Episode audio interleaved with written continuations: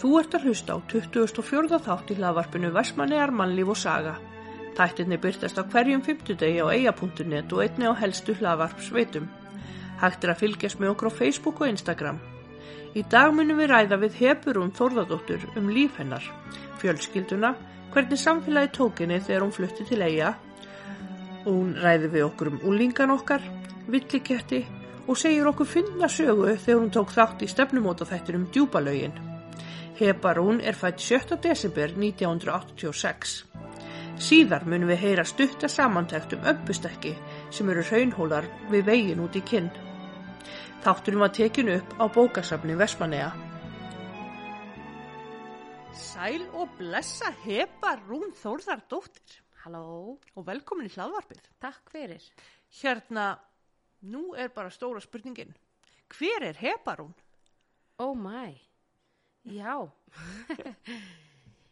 um, vá, þetta er svolítið trikki spurning. um, ég er allan að fæta uppalinn á blönd frá blöndósi. Já, Þangt að lífa nýjára, cirka. Svona þess að eftir minni. Og þar flytt ég til Reykjavíkur með mömmu og við flytjum hann á nokkra staði í Reykjavík. Og bara, já, ég, ég veit ekki hvert ég er að fara með þetta, byrju. Fer bara þarna í nokkra svona grunnskóla og svona gengur svona frekar erfilega bara já, já. að hérna og svo fer fara úlingsárin svona að taka við og þá fer maður svona aðeins að, að hérna sjá um sjálfan, sjálfan sig og, og bara hérna já, feta sig áfram í lífinu og ég hef alltaf verið svona mannska sem að vinnur rosalega mikið Já, ég var bara komin með fyrstu vinnunum mína þegar ég var í hvað, tíundabekk mm. og símsverðin hjá Pizza Hut já, á grænsasveið og hérna svo var ég alltaf hjá að vera móta og var yfirleitt alltaf í svona tveim, þreim vinnum bara já, bæði sem úlingur og svo bara frameftir já, og þar leindi þá fer, fór ég sérst ekki í mentaskóla já, eða framhaldsskóla mhm, og hérna og bara vann rosalega mikið og flutti snemma út mm. var rosalega sjálfstæð sá svolítið mikið fyrir mér sjálf bara já, sem að móta maður náttúrulega svolítið sem svona, svona inn í framtíðina sko einmitt, um, já, bara svona bara svona ég er bara svona sjálfstæð þverhaus nei, nei, ég get alveg verið ljúfa góð já, ef þú ert á góðu hliðinni en svo bara kynnist ég einari já, einhvern tímann hérna í ein, einni e, svona djamferðinni til Já. Vestmanni já, og þá er eiginlega bara ekkert aftur snúið nei, við hérna e, náðum bara svona vel saman og, og bara erum svolítið ying og yang bara já, hann svona róaði aðeins fyrild- fyrirldiði mér svona og fór að róaðast niður og, og ég svona reyf hann með mér í gang og, og ég bara flutti til eiga og hef ekki farið síðan nei, og það er eiginlega bara næstu því slett nýja ár síðan já, Það var, við byrjum saman góslókin 2014, já, 2012, já, 2012, 2012, já. Hmm. Já. Þannig að, já, það er eiginlega ég. Svo ég á þess að tvö börn með honum og Já. hérna, og við erum gift, ú, til hamingju, takk fyrir það. og hérna, bara var já. það leini brúkaup, Ha, já, það var bara svona formlegt. já, það er hérna já, eða, þú veist ekki lei, já, pínu leini og ekki leini skilur en hérna nei, nei, þú veist uh, mamma átti afmæli 29. júni já, og hérna ég bara hugsaði með mér, spurði Einar hvort hann væri til í að við færum bara fórunni síslumann já, og hvort hann væri til í að gera þetta með mér þá já, og það einhvern veginn bara var, við vorum búin að ræða þetta og bara leitum verða að því já, og svo verður bara veistla við erum svona, sko 29. júni er 2004 á löði já, þannig að kannski hugsan að verður eitthvað brúðköp þá eða já, það ekki hennar þannig að þetta er En- svona, þetta er svona, hérna,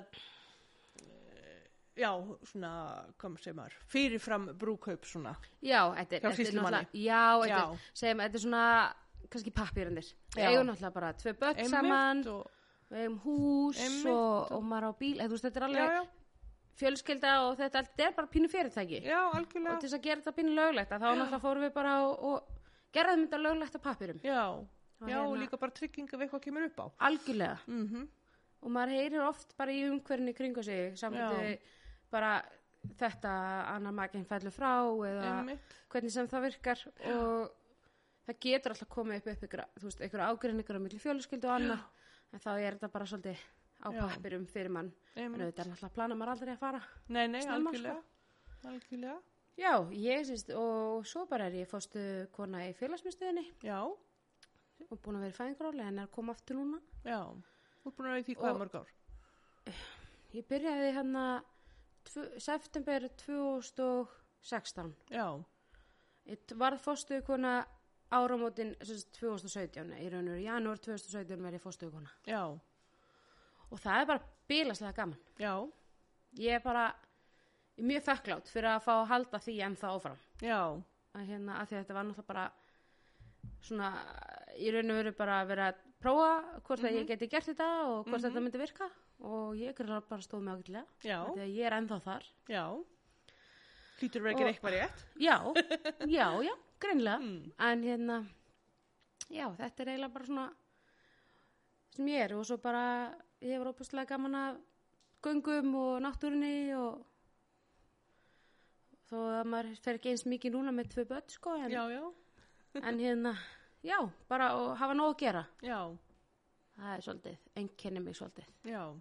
alltaf eitthvað Og bara þú sér að- að gift húnum Einari Jóhanni Jónssini Já, sem er að vinna sem hvað? Gröfu kallja Brings? Wow. já, já, passar Var hérna áður fyrr e, sjómaður og dalarafn Já, og hérna og hann bara svo bara fór það bara hættan því Já. sem ég var mjög ána með hann Já, vildi það alltaf allast upp með dóttur sinni og, já. og hérna Það var kallin Þannig- heima og svona. já, Já, já, já Þó, þú veist, já, algjörlega þetta mun, munar alveg að hafa hann alveg til staðar sko Já. og missa ekki af einmitt. og við erum bara mjög spennt fyrir sömurinu Já, við erum bara erum að fara í hérna ferðalag í- hvað við erum 12. júli já, ok. í hjólusun okkar og bara Já, helst bara í tvær, þrjár vikur já, bara þú veist, að vera ekkit fara bara og, já. Verið eitthvað stara. já Að flandra aðeins. upplifa landið Já. og skoða og eitthvað svona Já, indislegt. yes. En hvernig hérna, hvernig tóku Vestmannaðið þér þegar þú fluttir hingað? mm. Þú veist, ég get eiginlega ekki sagt að það tekið mér eitthvað illa Nei. það er alls ekki hægt að segja það en það er rosalega erfitt að flytja og ég er ekkit endilega bara hér Mhm. held ég en það er rosalega erfitt að flytja úr sínu heima hverfi eða heimabæ Já, í eitthvað sem sagt, það sem að- er rosalega margir svona kjarnar af já, fólki já, Þú veist, bara hvað segir maður, bara svona auðvitað er náttúrulega alast allir upp saman hér og þetta er sérstaklega hér er þetta rosalega svona fólk sem hefur verið bara frá því leikskóla saman í, í árgangi já, og það auðvitað er þá mjög erfitt fyrir ókunnaðan að komast inn í það já, og hérna þannig að en þegar ég flytt hérna þá náttúrulega var eins og ég segi var einar að vinna á Dalarafn og, og þar voru náttúrulega hérna sjómöninni sem að voru með hann þar og maður kynst náttúrulega bæði sjómöninum og konunum þeirra og, og hérna og bara fra- yndislegt og frábært fólk sem að, að var þar Mhm.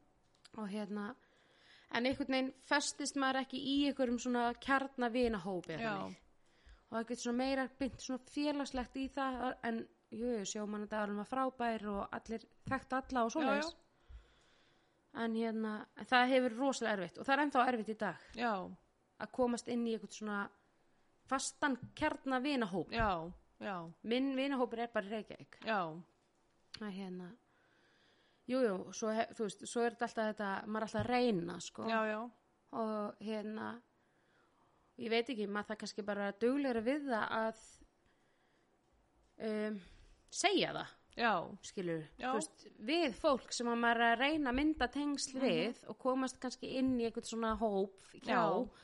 bara, úst, það er úrlega að fára að segja það maður er orðin- að vera 35 ára gömul bara, herrðu, já ekki vini, má ég vera með Þú já, veist, já, já, en það er bara þannig já, já.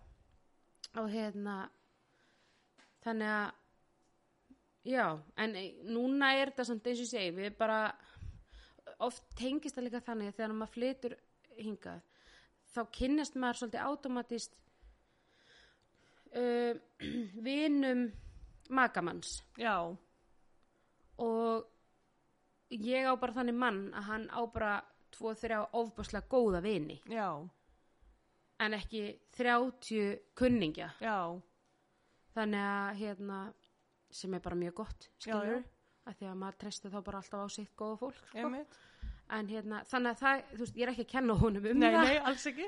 En, en samt sem aður að hérna þá einhvern veginn dettur maður kannski automatist svona inn í það konsept sko. Já, þannig að hérna og maður hefur alveg séð aðrar stelpur eða konur flytja til eiga á eftir mér já, sem að makar þeirra menn eiga sem sagt miklu starra svona félagstengst já, í bænum einmitt. og það er jafnvel bara komnar miklu lengra félagslega heldur en maður sjálfur Já, en ég meina ég er ekkit umst, ég er með ótrúlega breytt bak já, og það sem maður hefur bara kent mér í gegn lífi er það bara að þú spjarar þig alltaf já, já, þannig að en í vekunni, jú, jú, maður hefur allt, stundum allt bara eitthvað svona, af hverju f- er ég ekki með af hverju Já. er ég ekki þarna, af hverju þú einmitt. veist, af hverju ég eitthvað að sitja á hakanum Já, og eitthvað já. svona, en að ég menna það sem að dreipa mann ekki herði mann bara Já, já, og hérna en núna er ég sérst uh, er við svona kom með vinafólk sem að við erum svolítið svona að hitta og fara einmitt í ferðalag með og, Mhm. já, og hérna og svo er líka bara fínt að eiga bara svona ekkit rosalega marga vini þá, Já. þá maður varði líka svolítið heima kæri í COVID já, já, algjörlega. fór að meta það bara meira Já, Þannig, að- en hérna en ansi, eins og ég segi, þú veist eh, ég fann alveg eins og en viðtökunar í vinnunni Mhm. fólk svona vissi ekki hver ég var já, um, það var svolítið svona feimin, feimið við mig já, þú veist, og eitthvað svona hver er þessi hepa býtu, já, þú veist, er eitthvað treysta henni fyrir úlingunum okkar svo finn ég alveg sem að, þú veist, vinnulega séð að þegar maður þróast inn í það mhm, að þá bara þú veist, núna lappa ég hvergi og ég hitti úlingana mína já, skilur einmitt. og ég fer með þau ferðalega og þá er ég samskiptum með foreldra og Já. þegar maður fer að, þú veist, að vita allir núna orðið hver ég er Já, það finnst mér opaslega væntum já, vita allir að þetta er hepa einmitt. skilur, í féló Já, en hérna þannig að mér finnst ég ég var spurð um daginn hvort að mér finnist ég verið heima hjá mér Já. þegar ég kæmingað já, og ég sagði ég vissi það ekki Já. af því að ég fl- er búin að flytja svo oft á æfinni já, að mér finnst ég alltaf vera að vera að fara að flytja já, svolítið svona þetta er bara, Rótlaus. já, já, og það er líka bara svolítið þú veist, það hefur alltaf bara verið ég svolítið Einmitt. rótlaus út um Já. allt ekki alveg þannig að maður er kannski að vennist ég að geta bara sagt heim já, og svona ég veit ekki hvernig maður segja sætt sig við það já, já, þó að manni lífið er Já, að þá já. hérna er það pínu ég veit það ekki já, já, þetta er svona pínu, svona pínu hugsun sko. mhm, en hérna en já, allavega eins og ég segi þú veist svona félagslega hlutin, jújú meina, slæmur og góður, bæði bara og hversu krefjandi ætla þú að vera á samfélagið að koma þér inn í eitthvað, ég náttúrulega er komin í konuklub líka, Já. leitisörkul já, ok, og hérna reynda tók mig hlýja núna í COVID Mm. en er að koma inn aftur, náttúrulega byrja með þeim aftur í haust, það er sumafrí alltaf núna og, og mjög spennt fyrir haustunum sem er að koma Mm. og það, það var mjög spes, ég náttúrulega það var allir, þetta var allt fjarfundir og, og kannski svona fyrir eitthvað óspennandi Já. tími en, en hérna, mjög spennt að það byrjar aftur og hérna þannig að maður er hluti af einhverju einmitt. og hérna, sem er bara rosa jákvætt Já, En já, ég hérna þannig að eigin tók mér rosalega vel en og það er engum að kenna að maður er ekkit með góð félagslega Nei, tengst, nei. skilur það er bara, það er bara erfitt já, þannig að já, maður þarf að hafa sér svolítið eftir, eða svona, já, maður þarf eftir að hafa fyrir því Já. að reyna, en sko svo, svo einmitt hefur maður fyrir því Mhm. og ég hef búin að lenda svolítið í því einmitt að, hú veist fá bara svona hú veist, eh, verða fyrir veggjum á miðri leið og þá bara eitthvað svona, ok, ég nenn ekki standi þessu Já, og hérna bakka bara svona út og fundi fyrir því svona að vera ekki svona hérna tekin með, sem Já, sagt ok. included eða þannig já, og hérna og það náttúrulega slekkur svolítið í Já, þessum algjörlega. nesta sko að, vil, Einmitt. þú veist, að halda áfram að finna og svo er bara svona órunverulegt eins og ég segja á þann að vera 35 ára og spyrja má ég vera með einmitt Þetta er mem já, já, Einmitt þannig að en þá fór ég bara að hugsa, ok, ég meina ég leið bara í mitt nánasta þú veist, umhverfi og það var bara önnur sem ég veit um sem er nýfluttinga líka mm flutti að því að hún eignast mann hérna mm. og hún bara nákvæmlega sem aðstæðum með ég og ég líka fór á vinnustæð sem að er ekkert af fólki Já, ég er að vinna einn já, þannig að það var heldur ekkit rosalega já þú veist, var ekkit að hjálpa mér Einmitt og hérna, þó ég hef kynst mjög mjög mikið að góðu fólki í, þú veist, í kringum mínur mína, Já, já, en en eins og sé hún fór að vinna á leikskóla og bara, þar er náttúrulega allt öðruvísi bara allt annað, það Já. eru hvað 30-40 starfsmenn og ég er Einmitt. ein já, já skilu, það er alveg munurinn Einmitt þannig að en já, ég bara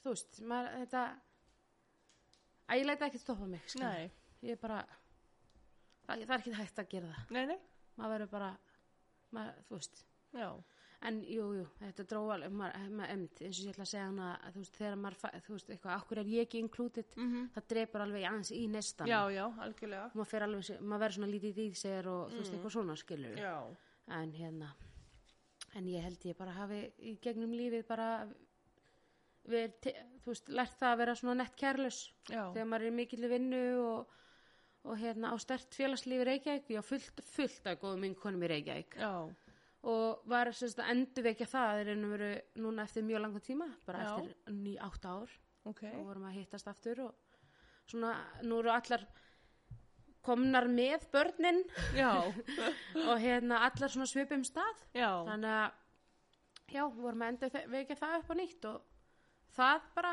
er rosa gott sko Já. og jú, jú, ég má ekki gleyma því, ég á náttúrulega eina svona æsku vinkunina gæslappa hérna í eigum, hann Mm. Já. hafði, hafði sér já, hann að hérna sem að þótti ó- óbúslega vænt um að eiga hérna já, og fara til já, þannig að gera það ennþá einmitt já, Já. Nei, þannig að, já, hann er bara svolítið skemmtilegt að heyra svona hliðina frá fólki sem að flytur ynga líka. Að, hérna, sjá hvernig það er að koma út inn sem svona utanakomandi aðli. já AKP Já. Ég ætlaði að vera voðalega dennuð. Nei, va- Æ, ég hef verið kvöldu þetta nokkur sinnum þannig að ég, það, ég sagði þetta bara já. en hérna, hvernig var að alast upp á blöndósi? um, ég er að man það voru líka Þú veist, uh, það sem ég man var að að við bjó hinum með blönduna Já. þurftum að fara smá leið til þess að komast til afa Mm, mikill snjór já. um, og ég viðkynni það alveg ég hefði vilja vera kannski aðeins lengur í grunnskóla þar Mm, til þess að verða meiri með hluti af þessum bekk eða sem sagt þessum árganga Já. skilur ég átti það alveg í kóbói já. en ég hefði vilja kannski vera í svona upp að fymta, sjötta bekk Mm. kannski til þess að verða svona meiri Tengsl og... Já, þú veist, ég er alveg með hérna, skólafélaga á Facebook skilur, já. og maður sér alveg svona hvað þau eru að gera og Já. ég meina, jafnaldri mín er hana ein, hún er þau eru bara, hún á bóndabíli skilur Mm. og, og hérna, með börn og eitthvað svona og eins og ég segi, já, já, maður er alveg vinur þessi fólks á Facebook Já, en ég hefði vilja til, ég hefði alveg verið til í að vera meira svona inn í þú veist, árgangnum skilur, Já. fara ekki alveg eins nefn að fara að blenda sig einmitt. en bara maður bjóð hérna á bara mjög góðum stað og Mm. áttu hérna óbáslega það voru hérna e, það var hérna bara fjögur síðustu húsin í götunni þar sem ég bjó voru svona mikið af börnum Já, og það vant ekkert upp á, það var alltaf verið út að leika og það Já. var alls konar brakkar að streik og hérna og ég svona upplif ég upplifið mína minningu fyrir að blönda þessu svolítið í gegn myndir af því að þegar ég sé mynd þá bara eitthvað, já, alveg Já. rétt og þá fer maður að rifja upp sögundur á bakvið sko. Já, og hérna þannig að maður á alveg sem sagt, þessa nágrana í hérna, þeir eru allir vinni mínir á Facebook til Já. dæmis en en hérna, já, já, svo er eins og ég segi það, svo er bara svona glittur af minningum já, helsta minningin er núna er að sýsti mín braut framtölunar í sér já, Einu ok. sinni. út að leika Já, og hérna, ég var að segja ykkur um frá þessu um daginn þá vorum við að leika okkur það var svona rusl, sko þetta er, ef þetta væri í dag þá væri þetta bara, ef þetta væri svona opið já, ha- ha- eh, ég veit ekki hvar Ísland myndi fara á hliðina sko, það var svona efst í götunni þetta var sem sagt svona botlangi já, og efst í götunni var Björgunsveitahúsið mhm, hjálparsveitskáta blanda og hérna og svo þar fyrir ofan var eitthvað bílavegstæði og Já. þar var svona hálskunar einn svona æ, ruslahaugar með bílum og svona eila þú veist, svona, já, bara svona eila svona ruslahaugar Já. einhverjir.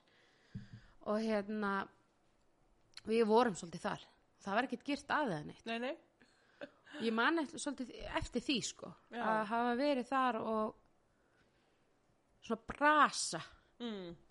Þú veist, og þar var einmitt sýsti mín sem sagt, það var svona bátur, svona skél sem var snir öfugt og það var nýbáð rigning og ef maður lappar á svona skél Já. það er ekki, þú veist, svona Já, heitan potta eða þannig, einmitt, að þá bara re- flý- er það flughált Já, já. og hún víst er að flýgur hérna og skallar með tennurnar hérna á eitthvað svona eitthvað, eitthvað svona s- hvað segir maður, svona tröppu já, og brýtur í sig fremdennar og þetta er bara Æ, allt æ. í blóði og allt hræðilegt og...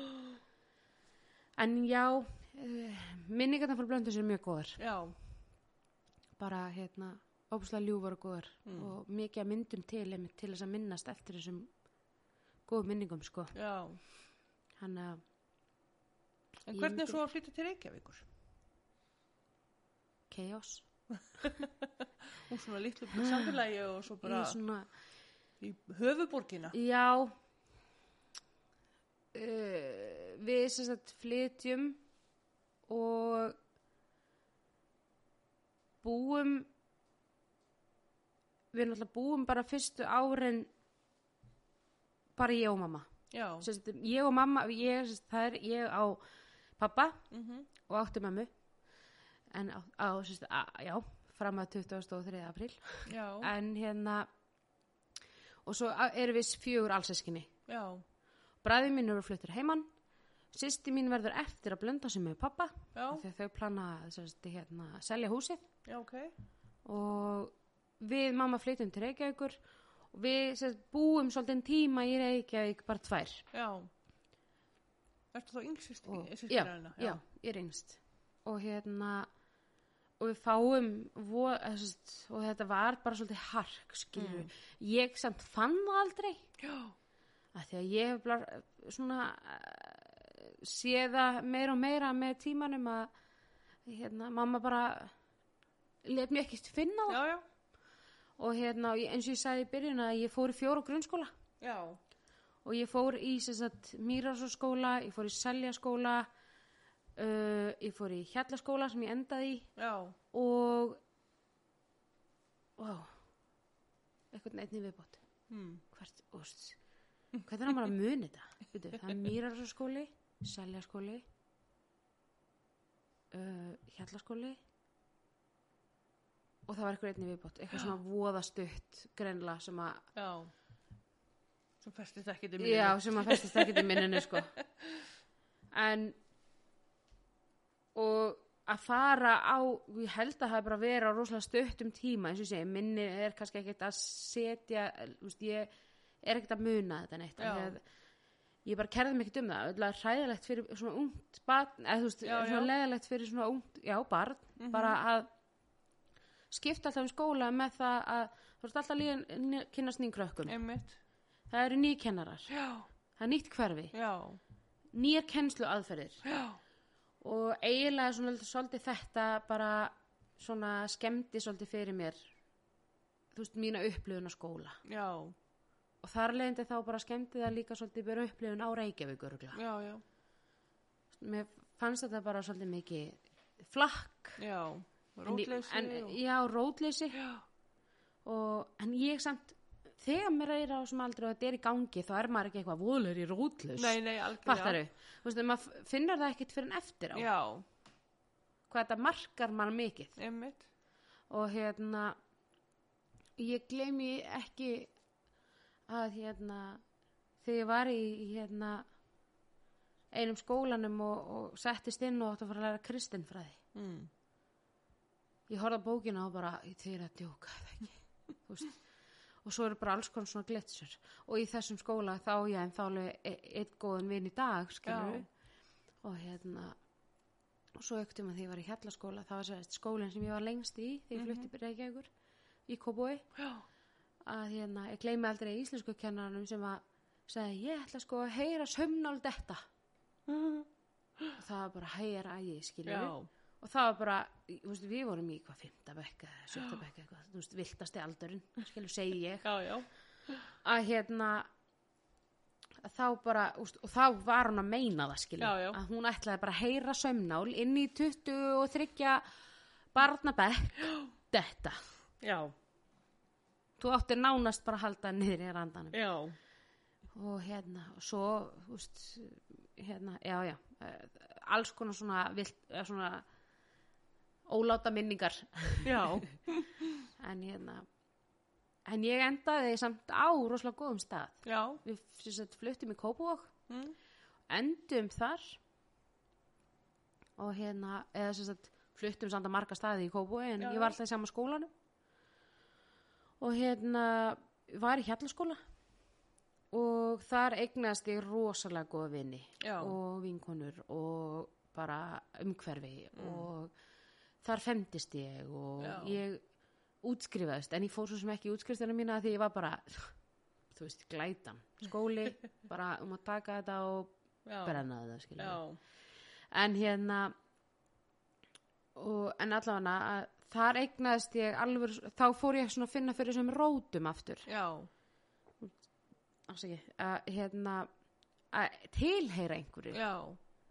samfél, að þú veist, stað einmitt. og hérna og þetta mark, eins og skemmir það mann pína marka mann líka þetta eins og rótlýsið Já, að finnast maður ekki eiga heiman eins staðar já, skilurðu. að tilheyra ekki neinu ykkur einu já, og það er kannski ástæðan fyrir að ég er líka pínu brött með þennan fjarlægskap í eigum já, er það af því að ég hef þetta í pínu barnabakkurinn já, að fara svolítið út af við og eignast nýja vini já, mitt, já.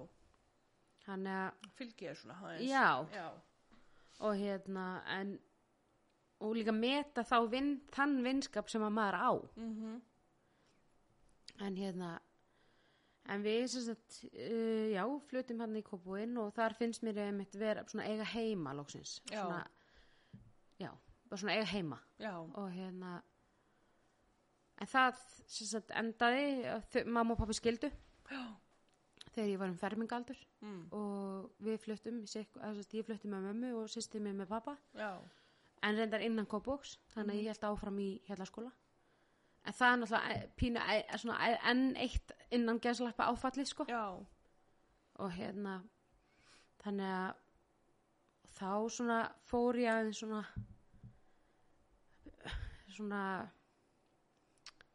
þá verður náttúrulega að verða bara úlingur já, og hérna og þá fór ég miklu meira að sjá að þá, eins og ég segi, þá skildu þau og þá fór ég, þá var ég a- við aftur orðnar einar já, og á úlingsaldri og þá fór ég náttúrulega miklu meira, ég hef vel bara verið, þú veist pínu sjálfstæð frá 13 ára svona, Já, má mitt. segja já, fór ég bara svolítið mikið að hugsa um mig sjálf og, og hérna, redda mér sjálf og, og, og hérna og hérna hún var alltaf til staðar, mamma Mm. Já, skilur já, og pappi svona, já, ok svona af og til, skilur Mhm. en hérna en já eh, bara, þá náttúrulega, já, flosna allt upp úr öllu, en mér fannst ég alltaf eiga heima, þú veist, inn í kópúi, en þá Já. fór ég einmitt svona í, kannski svona verri félagsskap já, en hérna en ég menn, það var bara forvitni líka já, já, þú veist en hérna, ég átti óbúslega góð vinkunum sem voru samt rosalega mikið svona skólalagaðar já, þannig að það kannski hjálpa menni pínu aðeins svona aðeins að vera ekki alveg saman um skólan Já, mitt. en hérna en já, bara þetta er svona flytið til Reykjavík svona hafði ups and downs svo þegar maður kom á svona eftir tíundabekk að þá bara eins og ég segi þá eignast ég bara ofbúslega svona þá hérna þakka hérna fyrir einni vinkonu minni hún skráði mig í sérst í djúblauna Já, þegar ég var 18 ára ég sérst eignaðist kærasta þegar ég var 16 til 18 ára mm. og svo hætti hann með mér og þá skráði vinkonum mín mig í djúblauna já. Og fyrir þá sem veit ekki hvað djúbulauð var, þá var það svona uh, stefnumóta þáttur á skjá einum. já, og það var hringt í mig og bara, herðu, ég sá hérna skráningu hjá þér og ég bara, já, ok sláum bara til, whatever heartbroken ætlaði bara, þú veist fara í sjóarpið og hafa gaman Já, og það, maður tók svolítið bara pólinn ég var svolítið þar sem svona ung menni já, ung kona, bara já, já, já. látum bara þú veist, flakka, þú veist, gerum þetta bara já, og hérna, og ég fór bara og þetta var rosa gaman já, þar eignast ég mína, eh, sem sagt, eina góð vinkonum í Reykjavík já, og hún var hluti af sem sagt, fimm svona vinkonuhóp já, og hérna þarna var ég bara sem sagt, eh, á 19. ári held ég, já ámlega svo sent sko og þá fer maður bara svona hérna, og þær voru svona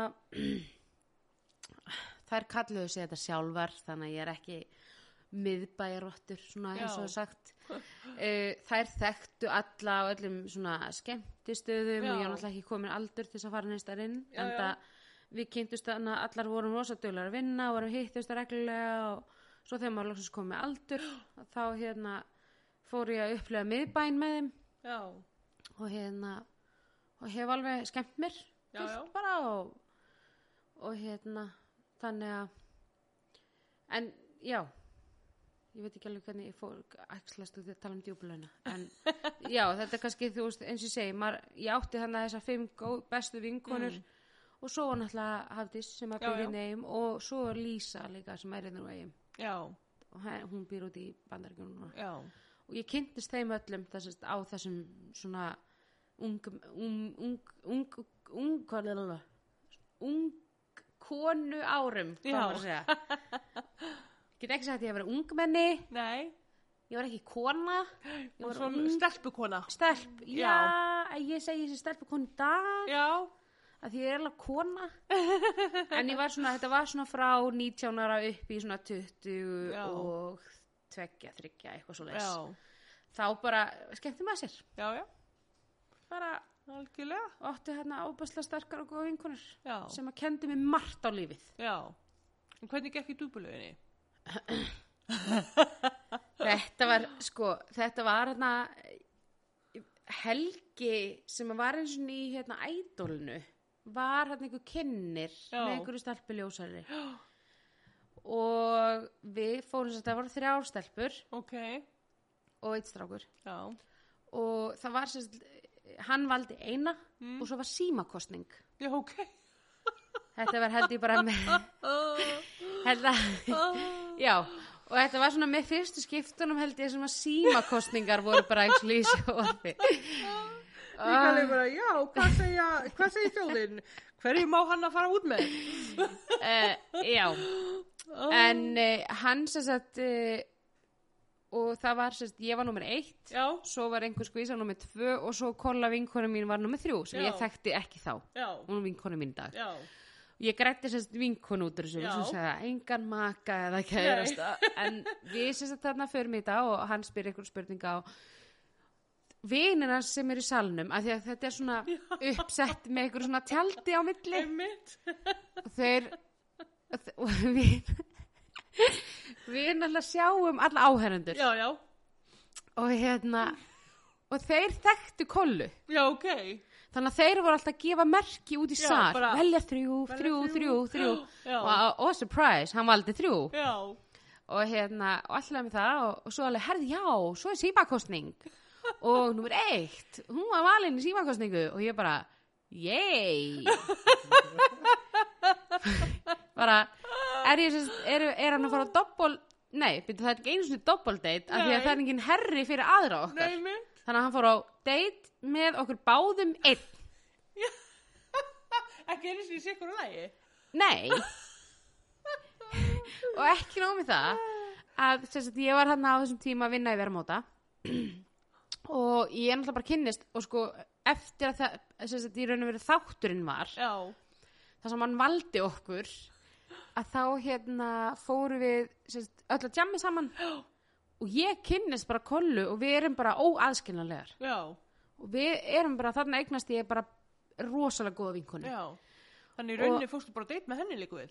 nánast, ég bara gretti vinkonu for life út Já. úr þessu djúbalöga dæmi en við sem sagt hérna svo, afsakið, svo er bara hérna fekk, fekk maður skila bóð bara já og herðu svo er þetta bara svona svona og svona fyrirkomulag Mhm. og það er sérst þannig að, að hérna bara svona eil í miðri viku minn ekki á þú veist þriðið mikið eða fymtið eða Já. eitthvað bara miðri viku að þá áttum við að hittast á hverjum stað og fara á deit með honum Já.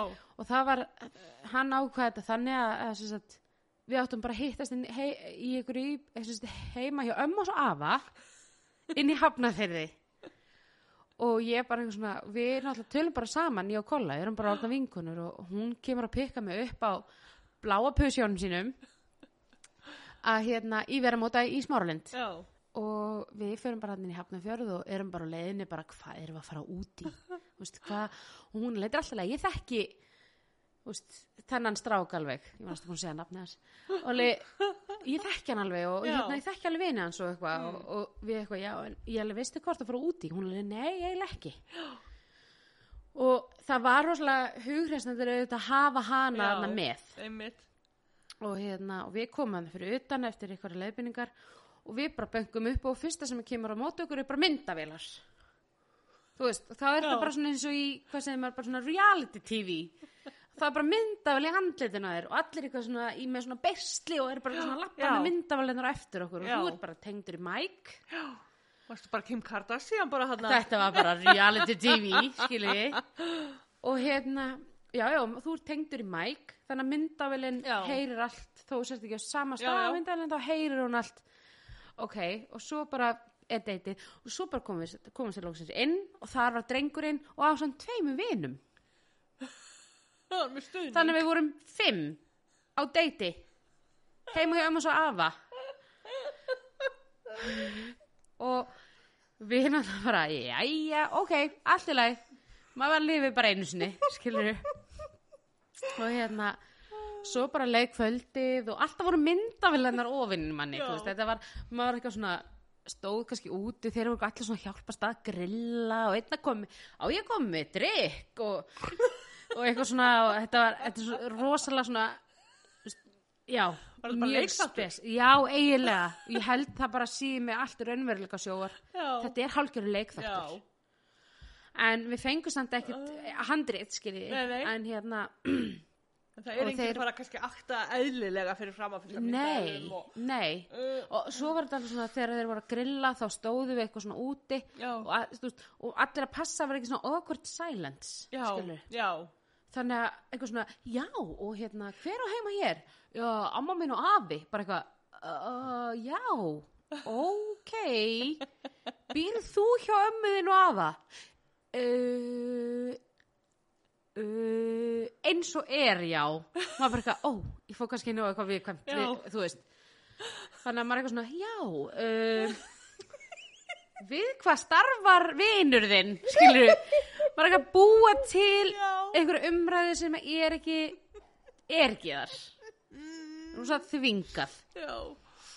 en allir læg með það og, og, hérna, og við kolla bara spjöllum annað saman og við erum sem betur fyrr vorum við tvær og höfum hvora aðra en við vorum svo sem alveg sammála um það að vinjast tveir voru óbáslega myndalegir Já, við vorum bara herði vinnur, þú mátt bara grilla við ætlum bara að fara að spjalla við vinið í það en þá komist það því að þeir með fullri vinningu að þeir áttu bara báð konur Já, þannig að já, við já. vorum bara alltaf læg með það og við Já. ákveðum bara afsækja orðbræðin við segðum bara pínu fokkitt og hérna og skemmtum okkur bara rosalega Mhm. vel saman og svo leið kvöldi við sátum að við eitthvað stofuborð mjög okkvort með alltaf þess að myndaflir í kringum "Mm, allir eitthvað, mmm, þetta er rosalega vel grillað alveg hérna og bara eitthvað hérna áttu meiri, meiri miller bjór Já. þú veist, og eitthvað svo hérna sem sagt uh, hérna f- eh,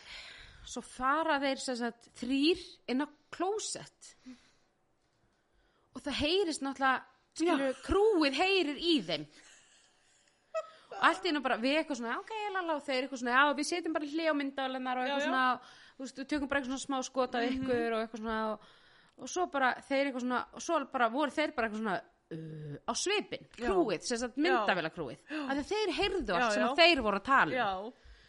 og það er bara, hérna, og þeir bara eitthvað, já, ok, þetta er bara svo, já, já, hemmitt og eitthvað svona, Já. svo komu þeir fram út af því að hann átti að fara að velja aðra hvora okkar Já.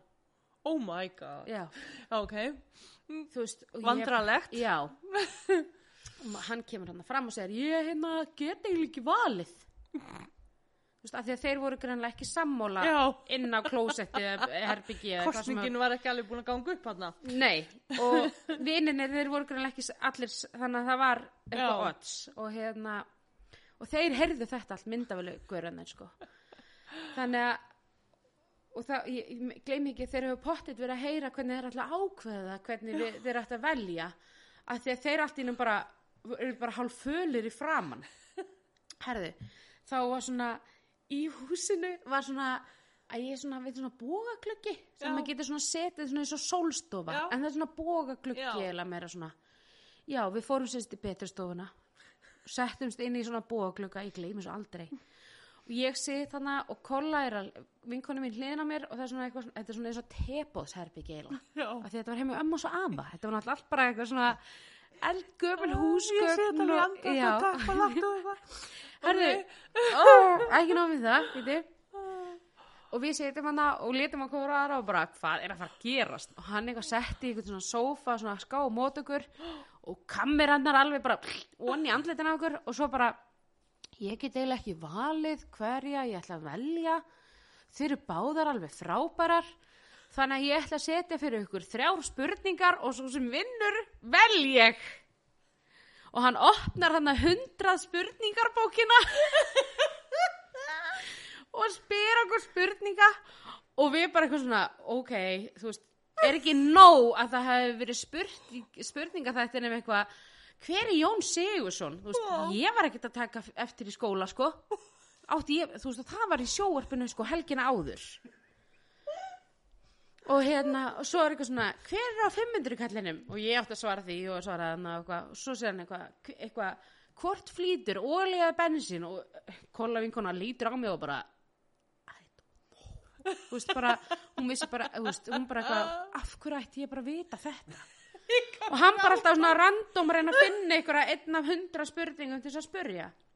Og svo þegar hann var búin að spurja þessa þrjár, þá veist, svaraði ég þremur og hún einni, eða eitthvað Já. svona, skiptir, í- það skiptir Já, já. engu máli hvernig þetta, þessi Einmitt. keppni fór þannig að ég var svo heppna að þurfa að mæta helgin eftir með honum í sófan og við erum að tala um þetta svona fimmanna sófi já ég satt öðrum megin og hann hinum megin Já. í sófanum, já af því Stórt að, bíl á milli. já, Ó. af því að svo endaði bara þetta kvöld heima Já. hjá ömmu og svo afa Já. og hérna og við bara þurftum að þú veist, fengum bara frítt far með kameruliðinu Já. við bara þau eru orðin miklu meiri vinna okkar heldur en þeir þrýr þarna ykkur er en Og fórstu svolítið ekkert á date með honum það nei, einum? nei, þetta Nei, um? var þetta var bara bara endirinn. deytið þannig að þetta var Frábært. pínu svona svolítið, þú veist, svona pínu Já. hvað segir maður, svolítið, svona súrt, súrt Já, djúbalög já. held ég, held ég að það hefði bara verið gerður ykkur bara tíu þættir af þessari tegund Já. og svo kom ný tegund sem að allir þekkja Já. og þá valdi hann bara eina það var Já, já. ekki símakostning og Einmitt. þau fóru bara á deit Já. skilur ekki það ein, hann valdi eina og svo Já, símakostning svo síma kostning, mér finnst það nú alveg og frábært. setja líka okkur í þessa stöðu tvær og hann, einmitt. einn, og hann á bara að fara að velja og hinn eitthvað svona ah, ok hérna." Já. og hún er við satt liðan að vera bara og þannig ég vel hepu af því að hún svaraði fleiri spurningum og við bara eitthvað svona vei Einmitt. Þú veist, ég bara, og þau fór bara að slökka öll af kamerunum, ég alveg, og hvað? Einmitt. stjöldi þetta lélegt skilur. Já, Þú veist, þetta er bara pín, þú veist, henni hefur kannski fundist hún að vera eitthvað niðurlægð, skilur. já, já, svo það líka. Ah. Þannig að, en hún reyndar bara, hún kendi mig líka svolítið bara svona, æ, whatever, höldum Já. bara áfram, þetta er búið að gert. Já, Og þá bara, svo bara fórum við og skemmtum okkur bara konunglega og hérna endum, sem sagt, og svo, hérna, var spilað fyrir okkur, sem sagt, það sem að þeir voru að tala um á klósettinu. já, ok, Og við fórum alveg líka á klósetti já, já, og við föttuðum ekki fyrir en eftir á, þá náttúrulega vorum við að tala um vinnans. já, já, bara, váka þeir eru Já, sætir. og við vorum ekki til í að líta við honum og lalalala en svo saði vinkona mín um daginn, núna um daginn herðu, hérna, ég er náttúrulega að vinna hjá símanum ég alveg, ok Hún, alveg, ég get alveg grafið upp gamla djúpulöð þætti ég alveg, nei, nei, við skulum bara láta það kyrrt við leikja við, það, er bara, það er í fortíðinni og hún bara, ég ætla að tjekka hvort ég, ég alveg, nei, nei af því að þeir voru að þarna ötti og þeir voru að hérna, finna 70 mínúndur Já, sem var að vera að setja inn á Já. sjóvarp símans hún lið, við eigum þetta allt til við þurfum bara að fara niður í geimslu og leita að þessu já, ná í þetta. nei takk En samt væri úksla fyndi kannski ég væri til að ég gæti horta á þetta Já, bara ein, en ekki öll þjóðin kannski. já, Já, já. já, en já, þetta var ég sem fæ sagt- kannski að koma með fyrir og hafa þetta. ég það kannski að rukka hana bara um það að spyrja hana hvort hún gæti ekki aðtöða með þetta fyrir mig hún, Já. og hérna en, en þetta er til Já. einhvers staðar á teipi Þetta er Ég skemmtilegt. get þakka Byrnu vinkonu minni fyrir þetta af því að hún bara, hei bara, hvað er kennitalan þín? Og ég bara eitthvað, "Ah, svona, svona, svona." hún leik, já, ok og svo bara eitthvað, hérna og, og ég bara, daginn eftir var hringt og ég leik, af hverju varst að byggja um kennitalan mín? Já. Og hún leik, æ, hún er bara, hérna eitthvað djúplegin eitthvað og svo hringt hann eftir, og hún leik, það verður ekki hringt í það, Já. potið fullt af fólki sem að er í þessu Já, hringdi hann eftir, herðu, sáum að þú skráðu þig ég bara, what? þeir eru alveg býðið spenntir eftir einhver skráði. skráið, já, pottitt ég held að segja ekkert eitthvað þúsund mann sem að skrá sig í hvern hóp, nei, hérna þátt, sko Já, þetta er Þannig að- skemmtilegt. en þú veist, þetta er alveg minning, sko, Já, já, algjörlega. Ha. þetta er fyndið í dag Þetta er mjög þetta var ekki skemmtilegt. fyndið þá en þetta er fyndið í dag en, já, Ah, Þetta er algjör snilt. En finnst þér úlingar í dag vera eitthvað mikið öðri sig heldur en þegar þú vorst úlingur? Bara svona í hegðun og uh, hvað þau eru að gera og... sko uh, það eru þrennskonar sko, ég get talað um þegar ég var úlingur Mm -hmm. ég get talað um það þegar að ég byrjaði í félagsmyndstöðinni Já. og ég get talað um úlingana í dag Já, ok. uh, þegar ég var úlingur að þá var þetta ofbúslega blandað, ég er náttúrulega bjóðin í kóbúi og mér fannst bara ég, ég held að þar kemstu kannski upp með aðeins meira að vera pínu villingur sem úlingur Já, þú hefur miklu meira rými til þess að fela þig og gera eitthvað af þér já, skilur já, Uh, jú, jú, ég gistaði mér á vinkunum minn einu sinni og hún átti ströngustu mömmu í heimi, sko. já, En hún átti kæristaði bregðaldi Já. og við bara við fórum út um gluggan. Þú veist, ég mátti alveg fara. af Já, því að já. Ég, þú veist, mamma mín treysti mér alveg. já, já, En hún hérna, og við skreiðum út um gluggan, þú veist, ég hef alveg gert það. Ég hef alveg, ég hef oft tvisvar, þrisvar, snu- þú veist, hvað sem að snakka átt, bara, Já. þú veist, stólist út já, út um glugga en hérna og þá, þú veist, eins og ég segi þá, þegar ég var úlengur þá voru, eins og ég segi, farið við breiðholt já, úr kópúi, við erum það fórum úr kópúi í Einmitt. breiðholt, breiðholti var bara stimplað allt sem breiðholt, þú já, veist, já, bara hérna svona villingarholt, sko já, en svo sem ég veit ekki hvernig er í dag ég, að- svo er alltaf að segja það er selja, selja hverfið og svo er breiðholt já. sko þannig að en eins og ég segi þú hérna Samt svolítið skrítið það er alltaf stifla sem einhver svona villingadæmi því að svo er bara fínir krakkar já, í húa. já, já, fínir krakkar og það Já. er bara mjög góð hérna, félags Já, hérna, félagsmyndstöðunar eru bara ópasla flottar hérna, og gott starf í gangi og gott utanumhald og eitthvað en ég veit ekki, þú veist þetta einhvern veginn bara fekk því miður bara einhvern Já. stimpil á sig og og er ekki hann að losna loðir, við hann. nei, hann loðir hérna ennþá við Já, en allavega við, sem sagt, og við bara stálumst og kópu upp í breiðholt og Mhm. hitta kærastann hann og vinni hans og, og hérna og náttúrulega þegar ég var úlingur var ekki, ekki símar sko. Nei, nei, þannig að það var, þá var mælt sér mót já, og hérna, þá var hann búin að ringjur heimasímanum fyrir um daginn til þess að vita hvað hann, klukkan hvað og hitt hann Já. þú veist, hvar einmitt. og hérna og svo þ- þannig að sko þá slæma við að það var ekki símar þú gast bara ekkit staðsett úlengin þinn Mm -hmm.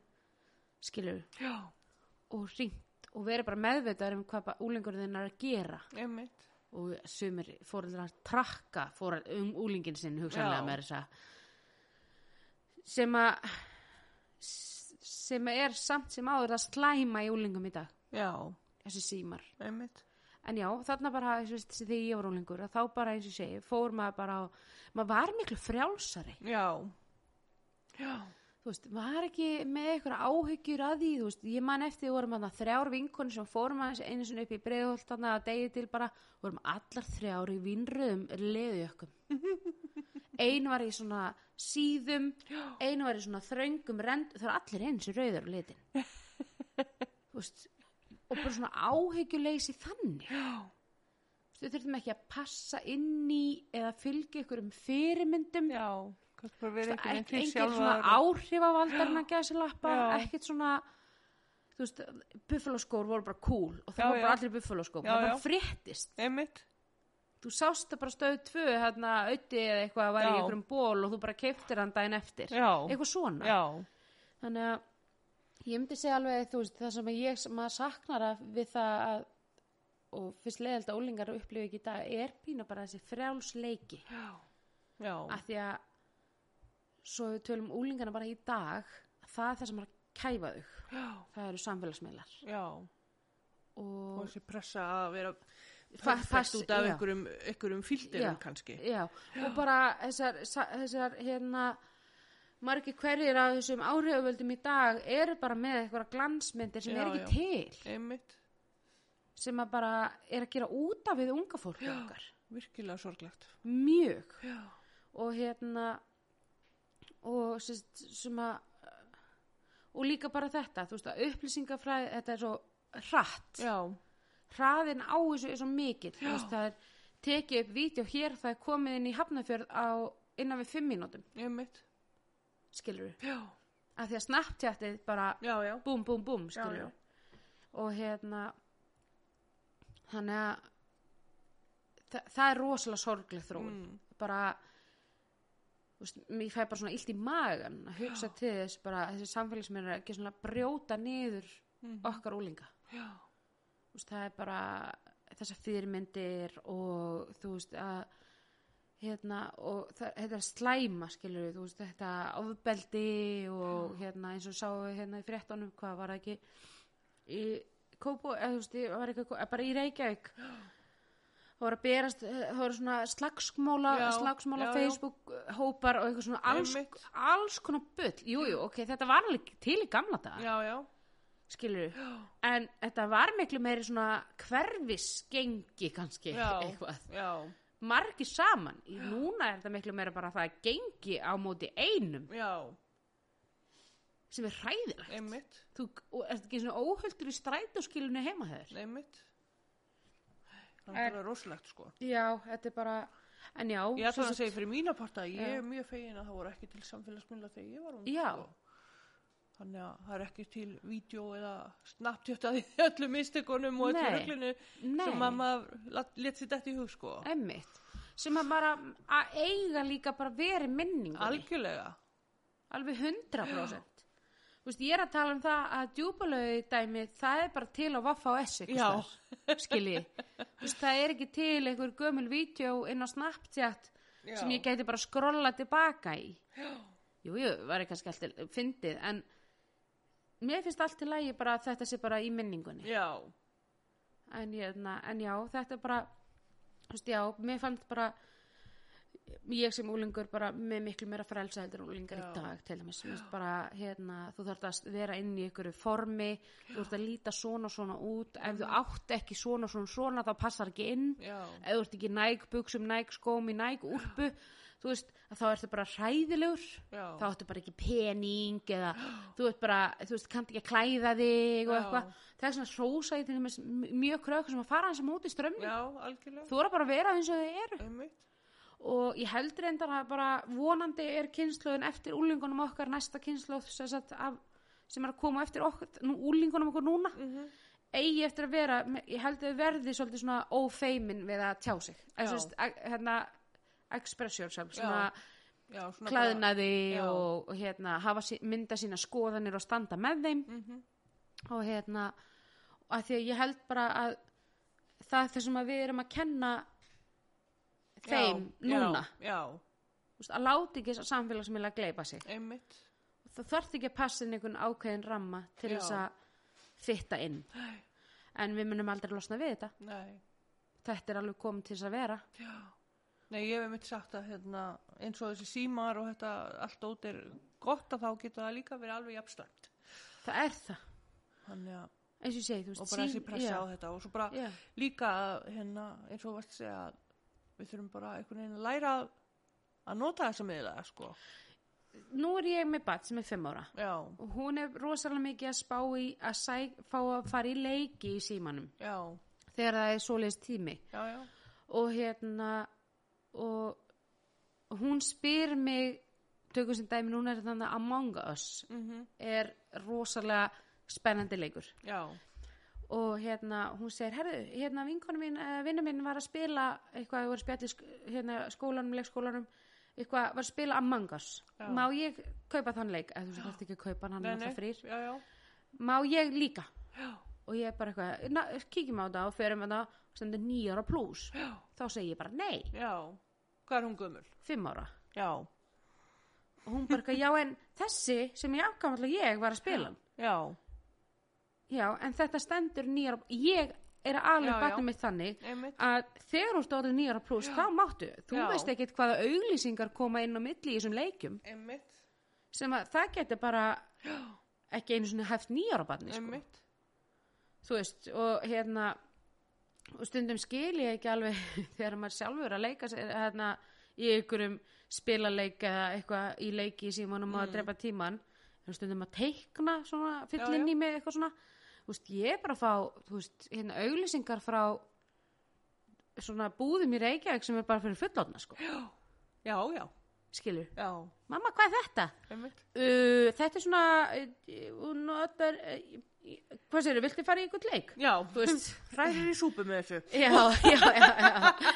Að, hérna, en ég er bara rosalega hörð á því að hún má ekki, það verður að standa fjó, það er alltaf einhvern fjóri pluss Já, eða fimm já. pluss, eitthvað svona og ég segi bara það, eða núll ára Já, og hún verður bara að sætta sig við það það er Já, bara já. þannig sem ég er að ala hana upp af Já. því að af hverju heldur fólk að það sé sagt nýjara pluss já, að því bara, einmitt, þetta er sett hann af ástæðu já, og ég vildi óska þess að væri sem að fleiri sem að myndu náttúrulega fylgi þessu en auðvitað gera það örgulega mjög margir já, já, en hérna og ef ég er bara leiðilega mamman hans, þá er mamman sem að segja bara því miður er þetta ekki mm. bóði, þá bara er ég hún já, en þá finnst mér miklu meira líklega að ég er að kenna henni þetta núna að ég geti, það er auðveldra fyrir mig þá í framtíðinni að stýra þessu já, skilur, einmitt, að hérna en þá náttúrulega, hugsa ég, já, þá bara stelst hún já, eða spilar þetta eitthvað starf annar staðar já, en þá er ég alltaf sagkom sjálfum mér já, já,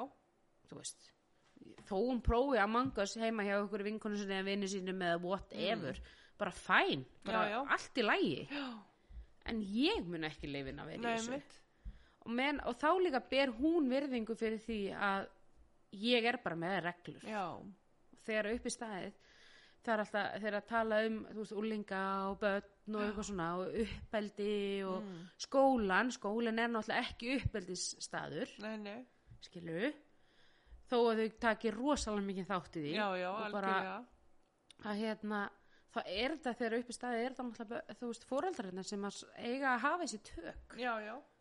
og loka ákvörðun já, og hérna og og ég er alveg á því ég meina þú veist, það er kannski engin sammála mér eða á þessari skoðun en þetta er bara svolítið það- það er verið að reyna að segja þetta oft Já, að ég sendi ekki barnið mitt í skóla til þess að fá uppeldi nei, nei. þú veist, þetta hérna uppeldið á, heim, á heima á heimilinu Já, já. þannig að og ég veit ekki, ég, veist, ég held að sé ég, ve- ég, veist, nú ætlum ég ekki að, þú veist, að tjá mig neitt meir um það skilur um að, hérna, hvort þetta sé ekk- virka einn í eigum eða ekki Já. eða whatever, ég er ekki að horfa á önnur börn og dæma skilur, ég bara, bati mitt fær fyrir ekki kast þó að hún fái svona semi ágætt uppeldi sko, Já, já. og hún tekur alveg trilling og vill ekki gera þetta Já, og er já. alveg þver á móti og allt Bara eins og svoleiðis krakkar eru. já barnið mitt er sko alls ekki fullkomið Já. það er engin fullkomin, við Nei. hjálpi mér Já. og hérna, stundum er ég bara, já, já, fáðu bara síman þú veist, að því ég þarf Já. bara tímíndur Einmitt. skilur, maður er bara mannlegur Já, já. en hérna, en þetta er svona, svona grunnvinnan upp í það að þau ber líka bæð tristið þér sem í framtíðinni að hjálpa sér að taka ákvarðan og vilja tala við þau um hlutina Mhm. Einmitt. og líka samt sem máður bera verðingu fyrir því þegar þú segir nei Já. og þá er það bara lokasvar Já.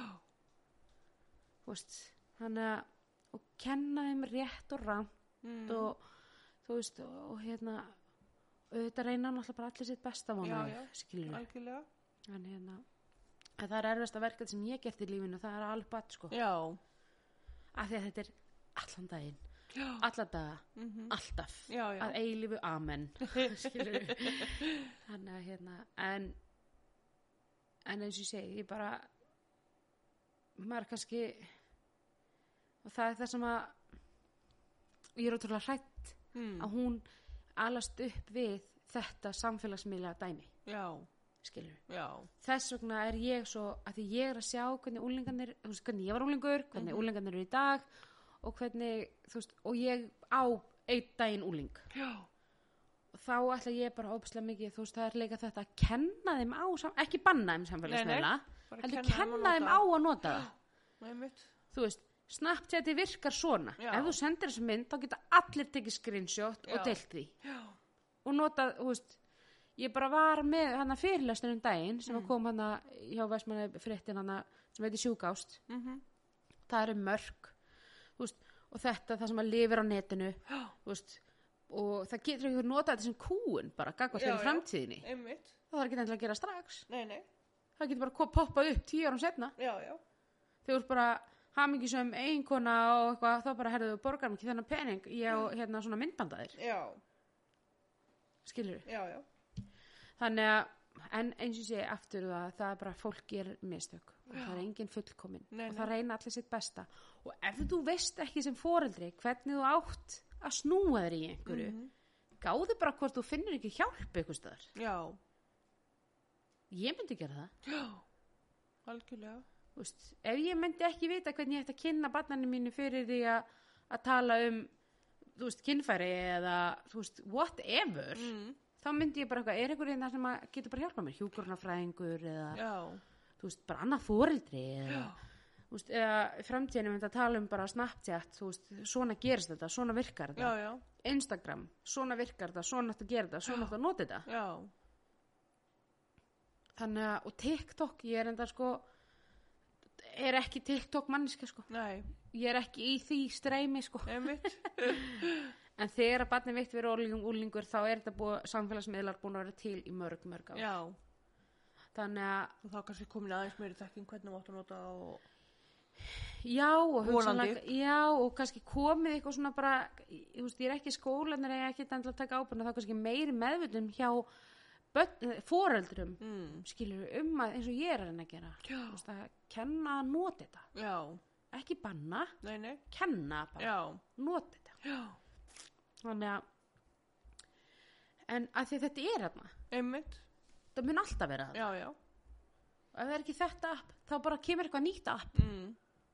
Algjörlega. þannig að, en hérna, þannig að þú veist, þetta er endalins þróun í þessu. Já. En svo, svo eins og ég segi, ég ætla að, hérna, me- að því þú spyrir með úlingana og þegar ég og svo núna og svo þegar ég byrjaði í félagsmyndstöðinni Já. að þá átti ég, var ég náttúrulega pínu stressuð og en það, það er svo rosalega mikið, þetta er svo bylgjukent Já. bara eiginlega frá ári til ári með úlinga já, þegar ég byrjaði í félagsmyndstöðinni að þá bara þú veist, þá var bara engi þá var reyndar rosa mikið að íþróta krökkum en, sem að mættu sko mm en sem að kannski ekki en, þú veist, sem er alveg markhópur sem við viljum fá inn en við viljum líka fá þá sem að eru, við viljum reyna að finna líka þessa Já. krakka sem er kannski í félagsafælinni og hafa öryggi til þess að koma Já. til okkar einmitt en hérna en þá bara vorum við að fá á kvöldi kannski 40 úlinga já, og það var bara ekki þekkt hjá þeim eitthvað að umræða þeim rafrettur eða já, sígarettur eða áfengi já, sem er svolítið öðru sér núna já þannig að þú veist þetta kemur og, og við þurfum svolítið að vera bara þú veist, þó að þau hafi verið bara rosa flottir og góðu krakkar Já, þá já. er krakkarnar okkur í dag alveg rosa flottir og góðu krakkar Já, já. líka en við þurfum þá bara að vera að passa betur upp á þú veist, fræðslu mm. vera starkari í fræðslunni já, og eins og ég hef sagt, þú veist, ég þarf bara að finna fyrirlestar sem að eru bara á hverju einasta ári sama tuggan alltaf aftur og aftur þó þú þurftir að hlusta á hana frá 8. 9. og 10. bekk Mhm. þá gerur það bara já, já að því að, svo, að þú farð alltaf nýjan árgang inn Já. 10. bekkur dettur út 7. Einmitt. bekkur kemur inn já, þess vegna finnst mér óbæðslega mikilvægt að þessi bara svona staðfesti í alltaf sömu tuggunni aftur og aftur já, og ég er alveg með frá sem sagt, stígamótum, sjúkást Já. stígamót eru sem sagt, forsvarsæðalar fyrir því mm -hmm. sagt, er að útbúa þessa fyrirlestra já, og þeir eru svo sniður að þeir senda bara fórstöðumenn og við getum verið með fyrirlesturinn já, já, snuð þannig að og við erum núna bara þegar krakk úlinga fara á samfestingin mm sem er þú veist, 3500 úlinga hátíð já, í lögatasáll já, að þá er skilda fyrir því að mæta á þennan fyrirlestur áður en við förum já, ok þannig að Það er og, þa- sniðugt. og það verður, alltaf var ekki í fyrra nei, nei, en það verður þannig alltaf þegar ég fer já, það er bara skilda fyrir því að fara á þennan já, og ég er búin að fara með þau í nokkra ferðir og, það, og við eigum bara frábæra úlinga já algjörlega þannig að, Já, þetta, mér finnst alveg bara magna líka að sjá hvað krakkar eru duglega hérna, vera mikið í tækni og Já. þau eru rosalega klár, já, eins og ég segi, þessi tæki eru rosa góð, Já. en geta líka verið mjög slæm.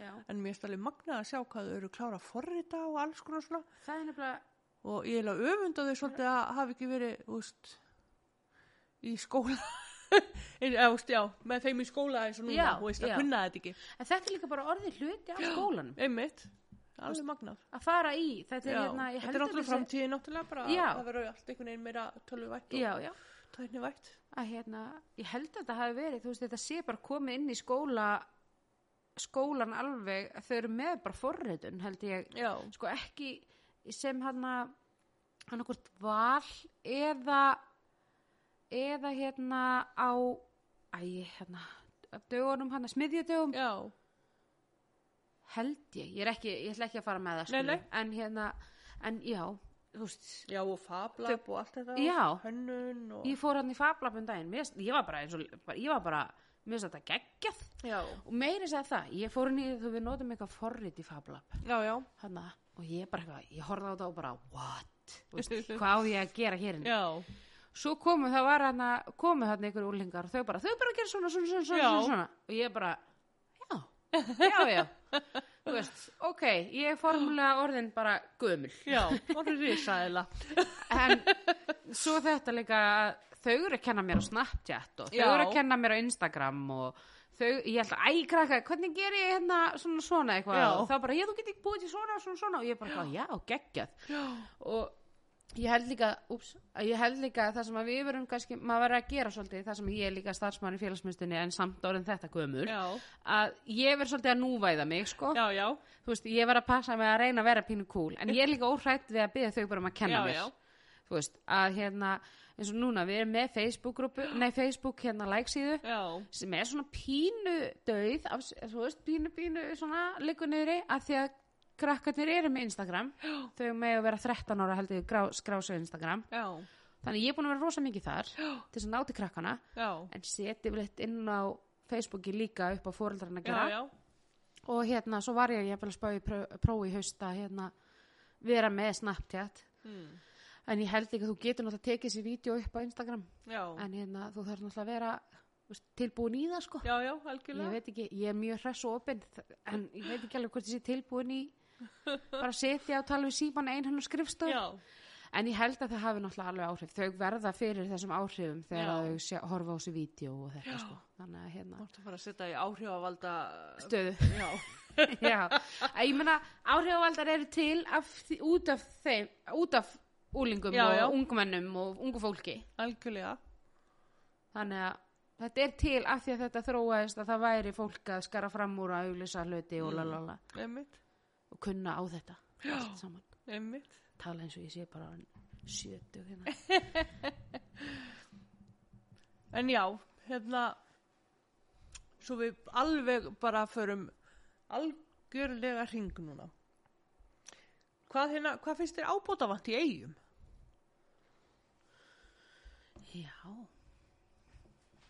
Um, Það er að segja ef þér finnst eitthvað ábótavant. Náttúrulega heilbreyðstjónstan. Já, Maður finnur rosa mikið fyrir því. já,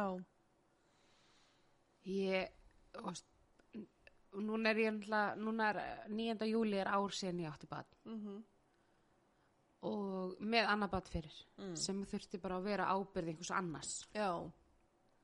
Á meðan, já, meðan að, það, meðan að ég fór og beið já, Mm. og þannig er það með fæðingar að þú færi dagsetningu sem er ekki 100% nei, nei, og hérna- bara klukkan þetta og... Já, ó, hvað það væri næs En uh, og náttúrulega við, ég er sett fyrsta júli og við förum upp á land minnum við bara viku fyrir Já, og við erum bara í raun og verið slæka að sá upp í sumabústað og, og hérna svona að taka því bara hans róla og, og ég, þú veist var búin að panta sérst, fekk hérna aðstöðu í, á sjúkrahótelinu já, Mhm.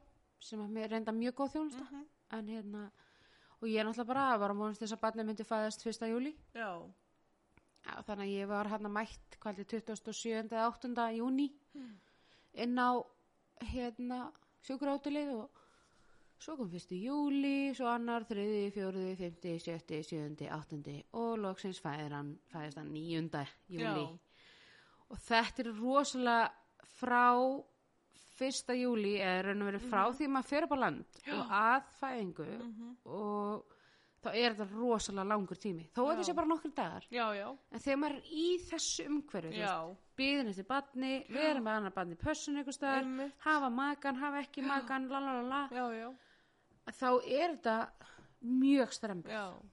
Og fegst að vera á sjúkrahótelinu all tíman?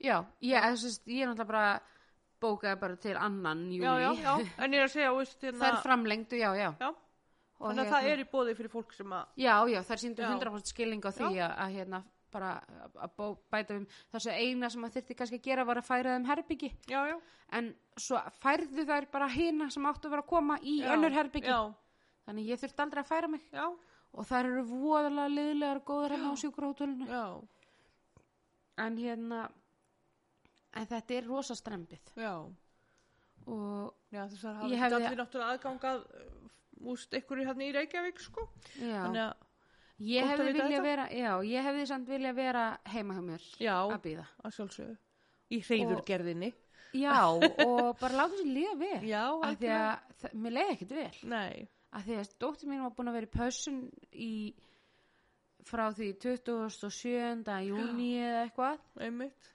og hérna og svo fram eftir, eða, þú veist, og þetta var einhvern veginn bara hún saknaði mín og ég Já. saknaði hennar og einmitt, að ég veit ekki, þetta var bara ég væri til í að geta átt já, þú veist, ég ætla reyndar ekki að eiga fleiri börn en Nei. ég vildi óska þess að það væri framtíðin þannig Já. að það konur geti átt börn hér. já, já, og bara leit, leita þú veist, þú veist fá kannski pínu svolítið meira svona grunn þjónustu já, þú veist að hérna það ætti náttúrulega Ég bara að get- vera grunnþjónustu að fá að geta eigna spönnin hérna í sinni mér heimabyggð, sko. finnst það pínu Já. en svo er þetta þetta þú veist, ég er þá langsins komin tannlæknir sko. já, hún er hérna Íris, já, veit ég og hérna frábært já, já, og en sem sagt eh, Þá minga kannski álægja aðeins og harmanni. já, já, já, já. jú, svo er reyndar sá ég eitthvað sagði að það vera eitthvað svona pólsku talæklar Já, ok. ekki, já Og Og hérna- Þá hvar?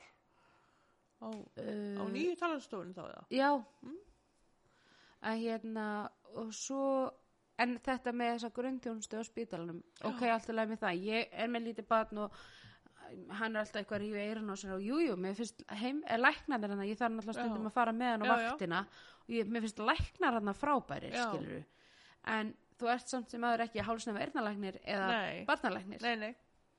þannig að ég pantaði tíma hjá hálsnefn og erðanlækni fyrir peyja minn í, og hún alveg, já, hérna 29. júli ég bara eitthvað uh, já, herðu ok, hafið það vikuna eftir um, það breytti ekki skilurðu.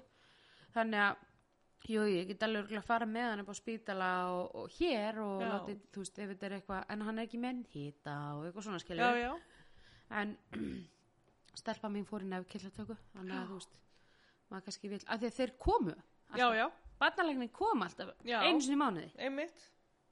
og hann Er það æði, hægt eða? tryggvi já, já, já, það er langt síðan Ó, ég held að Og- kem alltaf. nei, og hálsna verðnalegnin Steppi með. já, þeir voru hérna frá báðir frá dómus hann að tryggvi Helga Mhm. og hann, hérna Ólaf Guðmunds, minnum við hann heitir Já. hálsna verðnalegnir Já. þeir komu yfirleitt hann að hvað held ég einu sinni í mánuði allána Já. og nei, það er ekki búið að vera lengi Já, ok.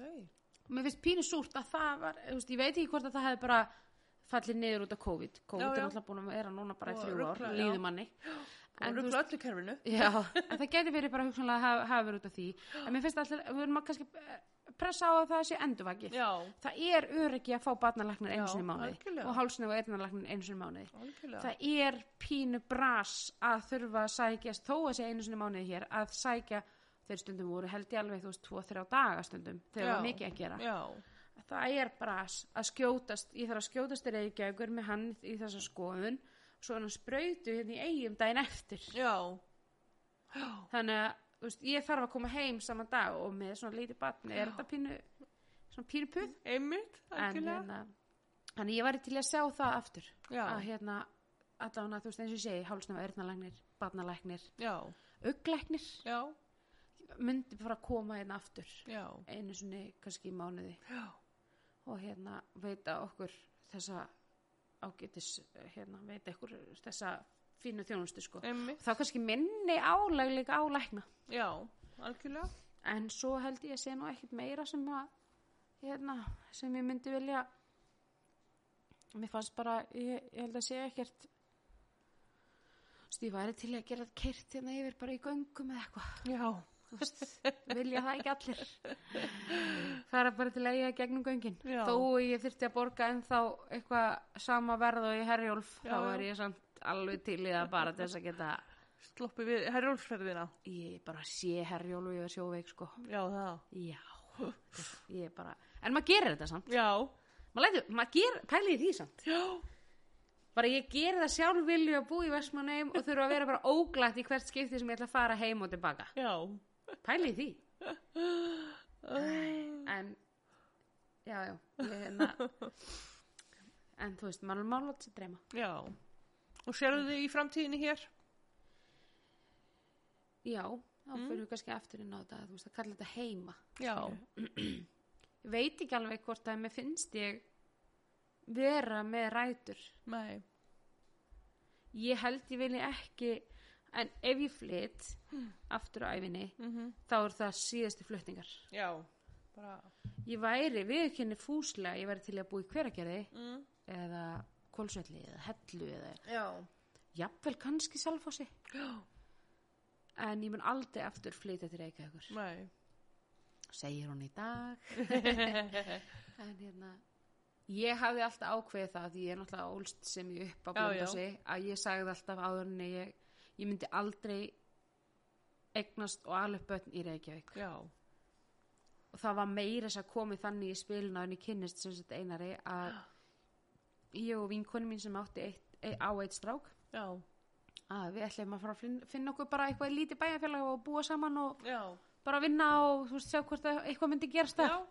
Og það var eiginlega bara nokkur mánuðum setna sem að ég, hérna, og við vorum eiginlega bara komin, komnar á það að fara að gera það. Já. að þetta var bara, þú veist, Reykjavík er eitthvað bara ekki heitlandi, finnst mér. Nei. En hérna, svo bara kynst ég einari og það var ekki aftur snúið. Nei. En hérna, en þegar svo leið, já, ertu bara komin til Reykjavíkur í frí? Maður bara eitthvað, nei, farið til Reykjavíkur er ekkit frí. Maður kemur þreyttari heim heldur en maður fer. Já. Af því að þú ert bara að allan tíman, það er að hitta þennan, eða þú veist, sem er ekkit slæmt, skilur, mann hitta fjölskyldu, vini Já, já. og stundum segi ég bara, herru, ég er bara að fara að hitta fjölskyldu núna, Já. eða ég er bara að fara að hitta vini mína núna. Og svo er þetta að vera með tvö börn og það er að fara að þanga og það er alltaf að útrétta og þú veist að það er ekki hluti til hér og lúðalala, svo kemur heim og maður bara svona lekur niður í fóstofunni og bara, "Ugh." þú veist, ég fór ekki neitt frí, skilur. Já. Þetta, mér finnst það allavega ekki að fara til Reykjavíkur Nei. eitthvað frí, sko. Ég var bara þreyttu leiðið ég kemur í átsprekkuna, sko. Emmitt. Bara, ég held að það sé líka Umferðin bara og áreitið og bílinn, já. umfyrinn og allt þetta, sko. Já. Svo er maður bara eitthvað Svo er svona "Ah, ég bara svo fegin þegar ég keir aftur út úr bænum. Já, bara, "Ah." það er það Þú veist, og ég held, ég, já En eins og ég segi, mér finnst ég einhvern veginn svona Kannski er það bara því að mér finnst ég geta kalla hjóli sem mitt heima líka Já. Ég er að fara heim, Já. þú veist, nú erum við búin Já, sundi mitt. og erum að fara heim já. Og það er kannski eitthvað svona sem að maður bara pínu temur sér að Hvað segir maður? Að hérna einhvern veginn að ákveða það með sjálfum sér að nú er ég heima Já. Já. Þetta er svolítið huglegt, sko. já, mér grunar að ég eigi eftir að flytja einu sinni viðbót Já. hvort það sé upp á land veit ég ekki, ég náttúrulega Já. vildi fara upp á land svolítið mikið meðan að mamma var veik Já, já. en nú er náttúrulega það ekki lengur Já. en úst, og við erum miklu meira svona kannski örlítið meira sambandi að, úst, við erum svona nær, ég á náttúrulega þrjú sískinni í Reykjavík Já. og þau eiga öll börn Einmitt. og hérna við erum bara svona tengd þeim líka Já. en ekki það að ég væri ekki til í að missa tengdó úr Nei, nei. pössunar eh, hlutanum Já. og, og hérna utanum haldi Já. bara ómetanlegt að hafa þau hérna Einmitt. svona nálátt okkur Já. en, en jú, ég meina sískinni mín kom alveg hinsókn og við förum alveg til þeirra og, og hérna, þeim finnst rosalega gom, gaman að koma til eiga og allt Já. þetta sko þannig að það er svona, en eins og ég segi ég held ég, ég hef eftir að kannski skipta um hús í eigum Mm. en ég hugsa að við verðum þú veist, ég, ég sem var ekki einar, þú finnir alveg vinnu hvar sem er en, hérna, en já Er hann tilbúin að fara? sko, hann skildi mig þegar að ég vildi geta sko með nær mömmu Já, eða. og líka þetta að það sé þægilega fyrir mig að keira Mm. til Reykjavíkur Já. og hitt sýsti mína og dætur og mann hennar eða Já. Mm. bróði minn og konuna hans eða hinn bróði minn og konuna hans og bötun hans eða what, hvernig sem það er skilur Mhm. og það er ekki hugsanlega meiri samgangur að milli okkar sískina ef maður væri upp á landi Já. en ég geti samt ekkert sagt um það Nei, nei. en þannig að hann skildi það alveg, ég held að hann var ekki þú veist, eins og þau byrjum saman þá var bara glætan skilur núna er það bara eitthvað svona æ, ég er það samt Já. þú veist, Er grassi græna hinu megin? nákvæmlega, það er það sem maður þarf að hugsa líka er það virkilega, þá þarf það að hætta og finna nýja vinnu og Algjörlega. þú veist, eitthvað svona og er maður ekki bara búin að koma sér ákveðlega vel fyrir þú veist, ég er svona eitthvað að reyna að fóta mig í sk- skóla og, Já.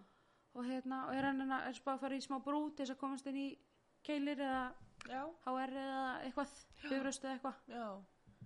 þó maður geti að gera það hægt og rólega Já, já. þá er maður samt að reyna það Einmitt. Sem er bara flott. þannig að hérna, Hvað stefnir á? ég er núna, er enda tók bara er núna í bara einu fæi að því ég vildi byrja rólega Mm -hmm. ég er í bara sálfræða áfanga hjá tröllaska Já, ok.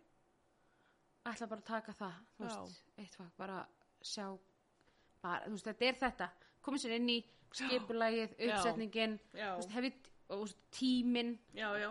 gefa sér í þetta Skynsum. Já, Takk bara eitt í einu og... já ég meina það mun, þú veist, það mun kannski taka mér svolítið tíma af því að Já, það er, já. þú veist, hérna en það er háskólinn á Akureyri sem að það sem að er einist sko háskólinn sem er með í raun og veru greinar sem ég þyrfti eiginlega að fara í ef Já. ég myndi halda áfram í tómstundar Já. og hérna dæminni sko en þeir telja einingar Já, ok. þannig að ég get ekki farið í brú Já, sem sagt mentastóður eins og kallast já, og fyrir í tíu mánuði og sapna mér inn eins og fyrir sem sagt, þeir þá myndi ég vera að vinna mér inn sem sagt, sem að, hvað segir maður, samsvarar stúdensprófi já, já. og þeir bifröst og held í HR og keilir Já, meta það inn hjá sér eins og stúdenspróf já, ok. en HA gerir það ekki Skrítið að segja ekki sama system allstaðar. já, Kerfi. þeir eru vist eitthvað í Vera- vera íslensk. Já, þeir eru eitthvað með eitthvað mótröð þeir vilja te telja inn einingar Já, og þú þarfst að vera með 200 einingar já, í stúdenspróf já, að telja einingar, basically vera með stúdenspróf já, já, algjörlega. þannig að, og ég er ekki með það þannig að en eins og ég segi, ég er svona allan að byrja þar það gæti vel verið, ég fari í þessa mentastöðu sem eru tíu mánir, sem ég er þá bara, sem að hljóma rosalega vel Já, já, og hérna og þá geti þá kannski bara og það er margt sem að breytist á mánuðum já, ári ég algjörlega. ákvað bara að byrja að taka eitthvað eitt byrja rólega, ég hef rosalega mikið áhuga á sálfræði en, Já, en hérna, það sem, að geng, það sem er í gangi þú veist, ég hef mikið áhuga á það sem er í gangi hjá já. fólki Já, haustum á þeir og, Einmitt. og alls konar hvað svona- ert að pæla á? hvað er svona? þetta já, og ekki dennilega bara fólki heldur bara bönnum og Já, já. úlingum og, og hérna, svoleiðis Já, Þannig að En ég held, ég heldi mig við einhverja svona brauta sem ég get unnið með úlingum. já, Úlingar eru bara algjörlega mitt starfsvið. já. Þannig Við erum líka mjög skemmtileg. að, já, En hvað gerir þú þér til gamans í dag? ég veiði villi ketti. Já, Um, bara þannig að við klárum það því ég sagði þetta að Já. þá er ég ennlega sjálfbóðileg hjá villi köttum í Vestmanni já. og hérna, Hvað eru villikettir í versmanum? herðu, það eru svona, sérst, það eru í raun og veru villi kettir sem að eru ofan að landi, mm Mhm. -hmm. sérst, þessi samtök, Mm eh, samtök, þetta er rúglega bara sjálfbóðastarf Já, já, og þetta er bara búið að dreifa sér út um allt land Já, ok. og við erum með sérst, í raun og veru eru villikettir erum með starfstu, eða, sérst, aðstöðu hér já, ok. Og hvað er hún? við erum með húsnæði hérna hjá hérna heitir það langalá eða hérna? löngulá hana Löngulá. allan að húsi fyrir of malavöllin Já, já, já, já. við erum með helmingin að því Já, og hérna við sérst uh, ég, eð, ég er náttúrulega bara nýbyrjuð mhm, ég byrjaði bara síðasta, síðast jól en um, óttoberi fyrir Já. það en við sérst hérna þær eru bara búin að vera að veiða villiketti já, og hérna og bara og villiketti og líka bara ketti sem að eru bara á vergangi sem að Já. hafa bara fólk skilið eftir eða rætt ekki heim Já. eða og við erum bara að gera okkar besta Já. skilur, og hérna við erum alltaf bara þær hafa verið að veiða og það er sem sagt uh, eins og þær gera þetta hann í Reykjavík Mm. sem að he- hefur verið samþykkt inn í bæjarfjölög og Já. höfbarkusvæðin og annars þar já, að þær sem sagt veiða gelda og sleppa já, ok. sem er þú veist, ég- sem er sumir er ekki sammála, Já. sumir er sammála þetta, Já, já. þú Veist, en ég bara ég kemur raun og veru ekkert þú veist, þetta er rætt Já. en ég minna það er alltaf stjórnin í raun og veru sem tekur þess að loka ákvörðun Já, já, en hérna en það er við líka bara með við erum til dæmis með núna alveg 1, 2 3, 4, 5, 6, 7 ketti upp í, upp í koti núna Já, vætist einn í ok. nótt já, sem að hugsanlega gæti bara verið fyrirvæðandi heimiliskautur já. á vergangi sko, Já, mitt. bara ógjaldi fress Já, og þetta er náttúrulega bara eins og með þú veist, minkin eða Mm. kaninunar eða eitthvað, þú veist, þetta byrjar þá kom, kemur náttúrulega bara fullt af ungum Já, og, já. Mm. þú Veist, og kettlingum og, einmitt. sem er náttúrulega bara ekkert gott Nei. en hérna, Og hvað, svo gert við þessa ketti? við erum til dæmis núna með hérna upp eins og segja upp í koti það er- er ein læða sem að við veitum Mhm. sem að hérna við reynum að náttúrulega bara heimilisvenja á Já, og hérna það er ein sem á bara eftir að fara í ormarhensun geldingu Já. og svo s- tökum við henni- hún er bara s- í sér plássi já, og svo fer hún bara inn í kotið Já, hjá ok. hinum köttunum já, það má bara ekki fara inn fyrir hún búin að fá sprautu og ormarhensun Já, já. og svo hérna þegar og hún er búin í sókví já, í raun og veru og hérna og það er bara þar, og þeir til dæmis kettir sem eru þar nú fyrir við erum bara að klappa þeim já, og þetta er ekki þessi típiskri heimiliskettir sem að kemur upp að þér og eitthvað Nei, svona, nei. wow, mjálmar og eitthvað svona einmitt Þeir eru Eh, þeir, þetta, þú þarft að vera í hönskum bara- já, skilur til þess að klappa já, og hérna, og vera svolítið ágengur Já. staðfastur við að, þú veist, að ætla að klappa og svona, einmitt.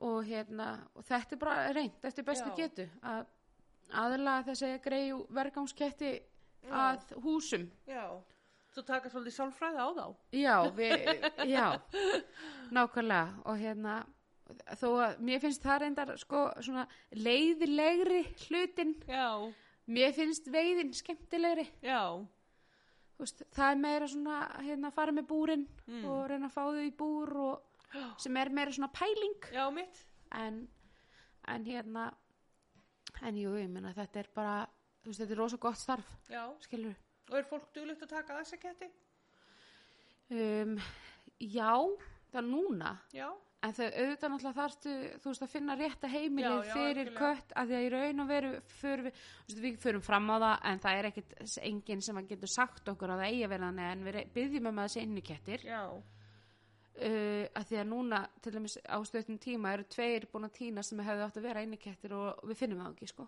já, ok bara alls að hverfa og, bú, og dýr, eða sem sagt, kettir sem við fáum í búr einu sinni já, eru mjög líklega ekki að koma í búr aftur já, já, þeir vita hvað þetta er Já. svona okkur veginn þeir láta ekkit blekka sig sko. nei, þannig að við hérna og þa- en það, það sem við bara m- alveg 150% við náttúrulega geldum allt sem fyrir frá okkur já, þannig að við erum ekki að missa frá okkur ógelda ketti og, og, og raunver, þá er það að Einmitt. stangast á við þar sem við erum að reyna að vinna algjörlega en samt sem áður að út af því í, hjá villiköttum kaupir þú kött mm á kettling á 20 skall fullar en kött á 15 já, og inn í þessum 20 skall þú ert í rauninu að kaupa bara læknisheimsókn já, já, algjörlega fyrsta bólusetning, örmerking já, gelding og kettlingurinn já, já, skilur við já þannig að í svo- raun og veru ertu búin að þú borga fyrir köttin hjá okkur mm Mhm. hjá þeim Mhm. að þá ertu í raun að fá þá ertu búin að borga fyrir geldingu Já. og það er pín okkar öryggi já, já,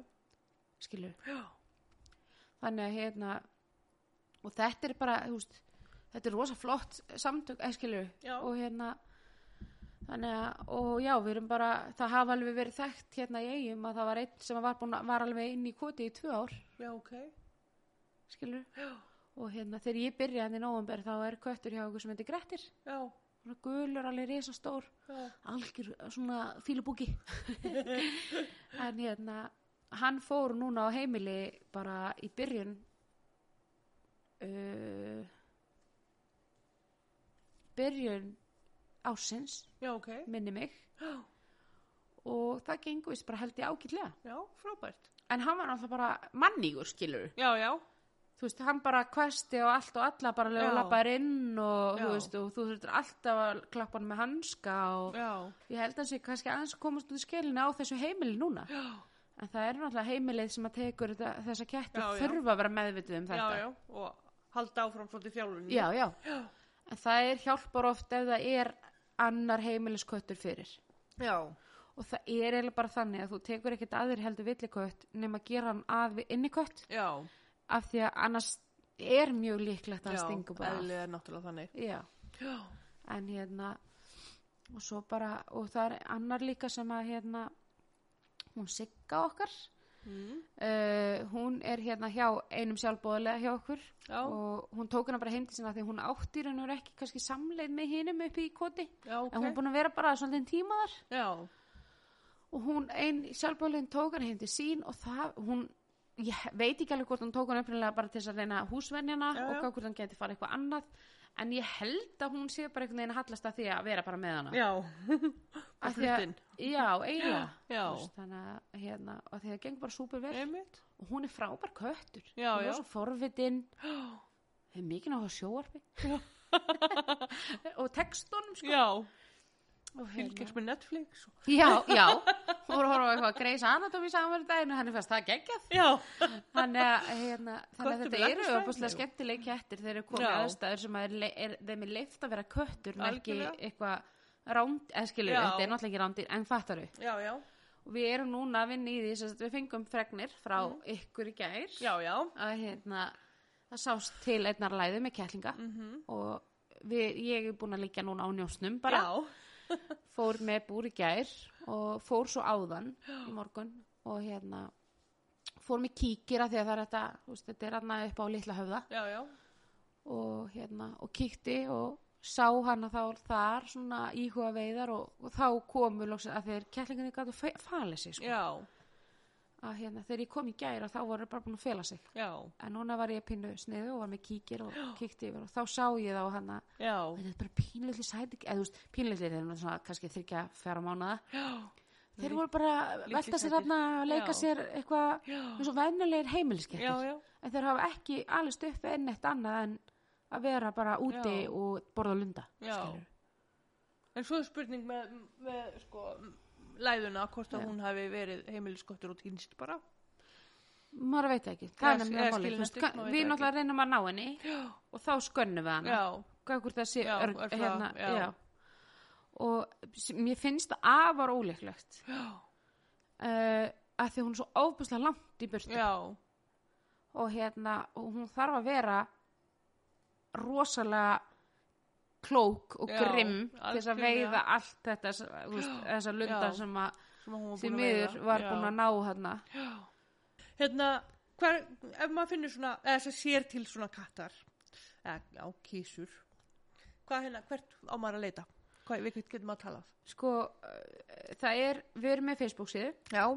sem eru villikettir í Vestmannum og við erum með Instagram síðu Ok. sem eru villikettir í eigum líka Já, og það er hægt að senda okkur skilabóð þar já, og Facebookinu mhm, og hérna og það er eh, öllum ábendingum fyllt eftir ok. og hérna, eða þær sem að hafa svona verið í þessu lengst eru sem sagt Elín Já, sem er að vinna hjá Aldrif já, svo er það Conny mhm, mm og Sandra Mhm. Sif, sem er hérna svona lunda já, lund, lundadrottning. já, já, já, lundadrottningin og svo er það hérna uh, Ása Hrönn Já, það er svona fjórar hafa verið svona helst, held ég lengst í þessu er allan í stjórninni Já. og hérna en auðvitað er náttúrulega bara þegar að og ég held að við fylgjumst líka með inn á eins og hunda og katta síðunni Já.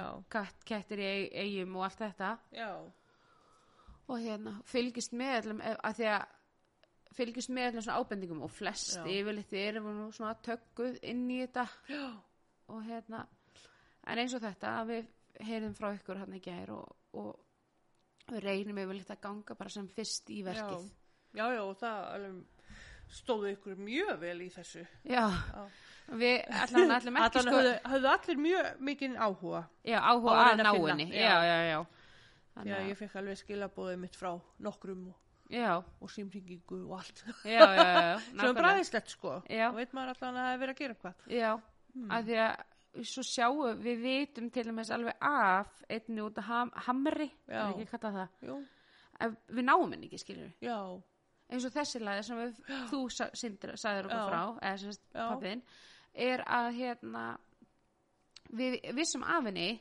hún sáum hana upp á stórhöfða já, já, en náum henni ekkert Nei. og við getum ekkert bara hlaupað eftir henni nei, nei, þannig að og svo hvarf hún já, þá svo sjá, er, sérst hún ekki fyrir þarna einmitt, þannig að það, og það passar okkur að síðast þegar við sáum hana það eru cirka þrýr, fjóri mánuði síðan Já. og þá var hún, þá hefur hún bara verið að gjóta og já, búin að koma sér fyrir ykkur. já og svo heldur hún bara til þarna Já. og, og veiðir þarna og meðan Einmitt. þeir verða starpaðir Já, en þú veist, þú sér það að þetta er svolítið langt í burtu Já, já. hún þarf að fara smá spöl til þess að mm, verða Algjörlega. kettlingafull einmitt, algjörlega, hún er allan að gera það já, já, þannig að en já, mér er bara sem sagt, vona bara að fólk hjálpa okkur endilega já, Og þetta er, ti- þetta er inn í eigum Já. og við viljum endilega fá hjálp við þetta já, og þetta er einhvern veginn tengist ekki einhverjum heimilisköttum eða út, af, Nei, nei, bara- útiköttum eða neitt þú veist, auðvitað náttúrulega ef þú sérð kött og þá reynum eftir bestu gutu að veiða hann eða ná henni eða já, og þá getum við alltaf skannað það því að það er núna bara komið í reglur að það eh, dýralagnar eiga að örmerkja alla ketti já, já, Upp á bara það- hundanir, já, bara Já. upp á þannig að ef við náum þeim þá bara f- skilum við honum skilurðu. einmitt, þannig að en já, þetta er svona Já. þetta finnst mér óbúslega gaman, þetta er svona smá brölt að la- fara ángað og vera með tvö búr á bakinu og, Einmitt. og hérna og svo Smá ligg- ævintýri. já, ég er svolítið í því sko, mér Já. finnst það mjög gaman svo ligg ég hérna á maganum hinum einn við og er að njósna gegnum kíkir og gæti leiðið hann örglega bara í fjóra, fimm, sex tíma sko. Já. en ég fjóra, fimm, sex tímar í þetta Steikátt. Já, eiginlega að því að það sem ég lærði náttúrulega með því að fara í gær og svo fara núna að þeir liti ekkit við búranum hjá okkur Já. eins og ég staðsetti þau Já. í gær þannig að ég fór núna og fylgist með og fór svo breytt í búranum Mm. þannig að vonandi verður þau bara komið bingo á eftir Já, vonandi. Já. Mm. Já. Við fáum kannski að að hérna spjalla við þið aftur í framtíðinni. Já, Sjá hvort það vorst ennþá í eigum eða, eða farin eitthvað annað eða farin eitthvað annað. Ég ætla bara að vona að haldi þið henni í eigum. Já, ég vona líka, ég mér finnst það alveg líklegt sko. Já. ég held að, held að, ég held að, já eins og ég segi, þó ég skipt um hús kannski, Já, já. Að Þa, þá- Það má alltaf um skipt mús. Já. Takk. en hérna, en já, ég, b- jú, ég, ég býst við því að maður verði hugsanlega hérna í einum. En Já. svo veit maður aldrei. Það Nei. geti breyst bara Já, á já. sveipstundu, sko. Já, já, algjörlega. Þannig er bara lífið. Lífi kemur manni ofta óvart. Ó, svo sannlega. Já. Það er svo leis. Bara takk kærlega fyrir kominu og spjallið. Takk fyrir mig. Já. Það var rosa gaman að koma. Já. Loksins.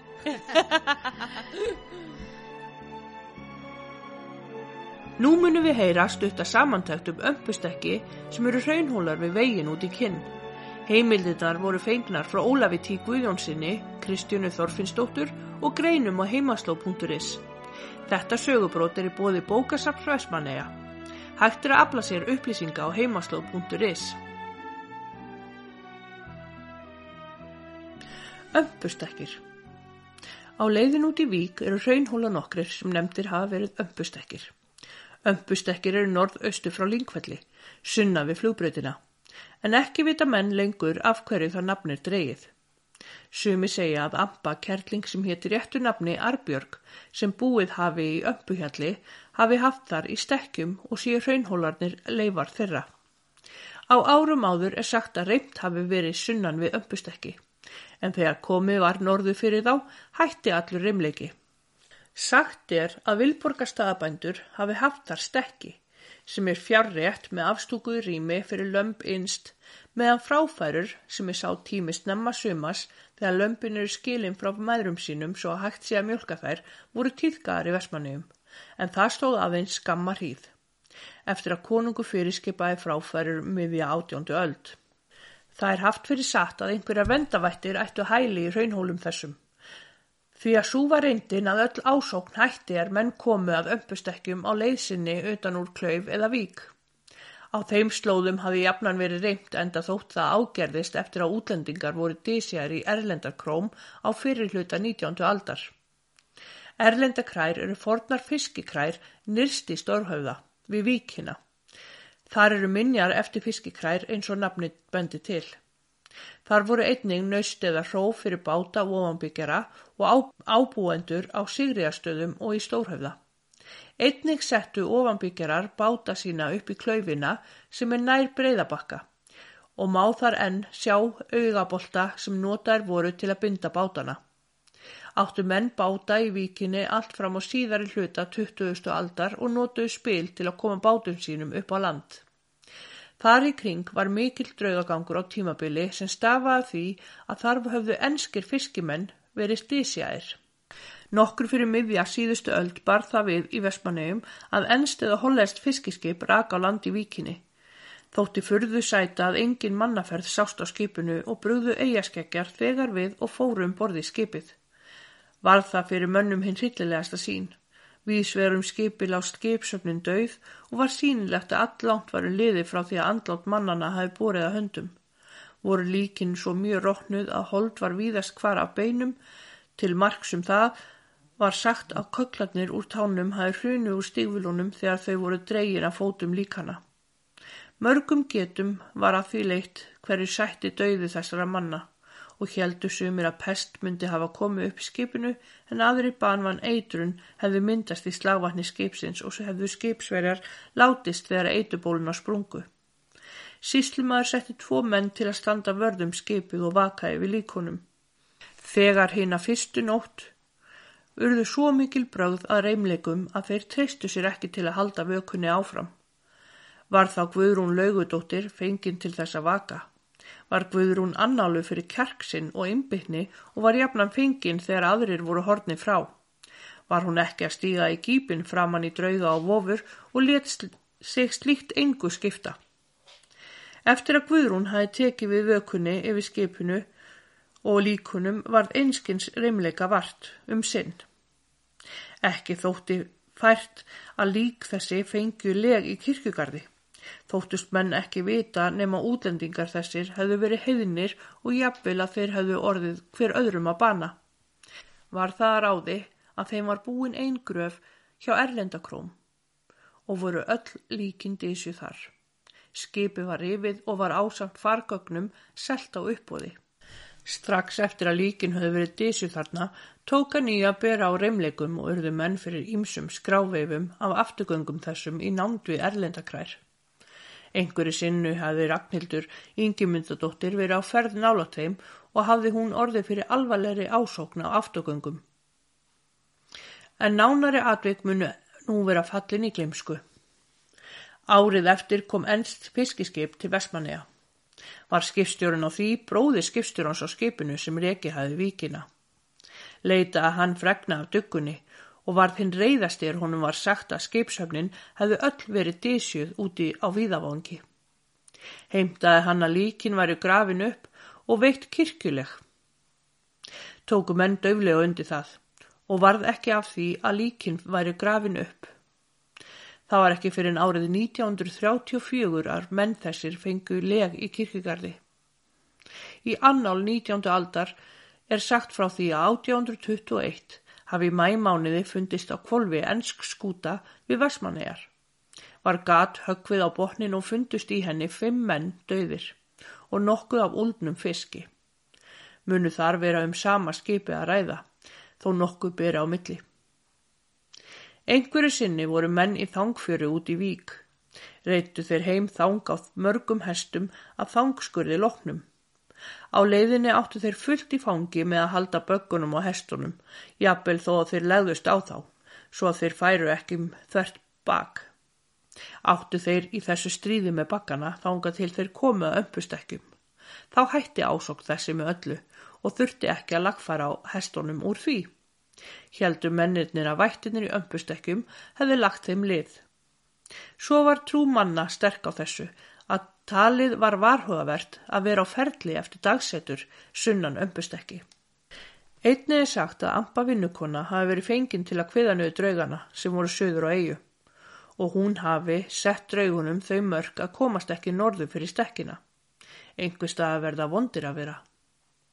Í dag sjást í ömpustekkjum margar englastittur og var það Kristjana Þorfinnsdóttir sem setti fyrsta engilinn þar árið 2008 eða 2009 til verndar eigunum. En eftir það haf- hefur verið bætt vel í englasafnið í ömpustekk og fólk sett engla þar í mörgum tilgangi, til dæmis fyrir þá vætti sem þarna eru og einnig til að halda illum öndum frá byggðinni.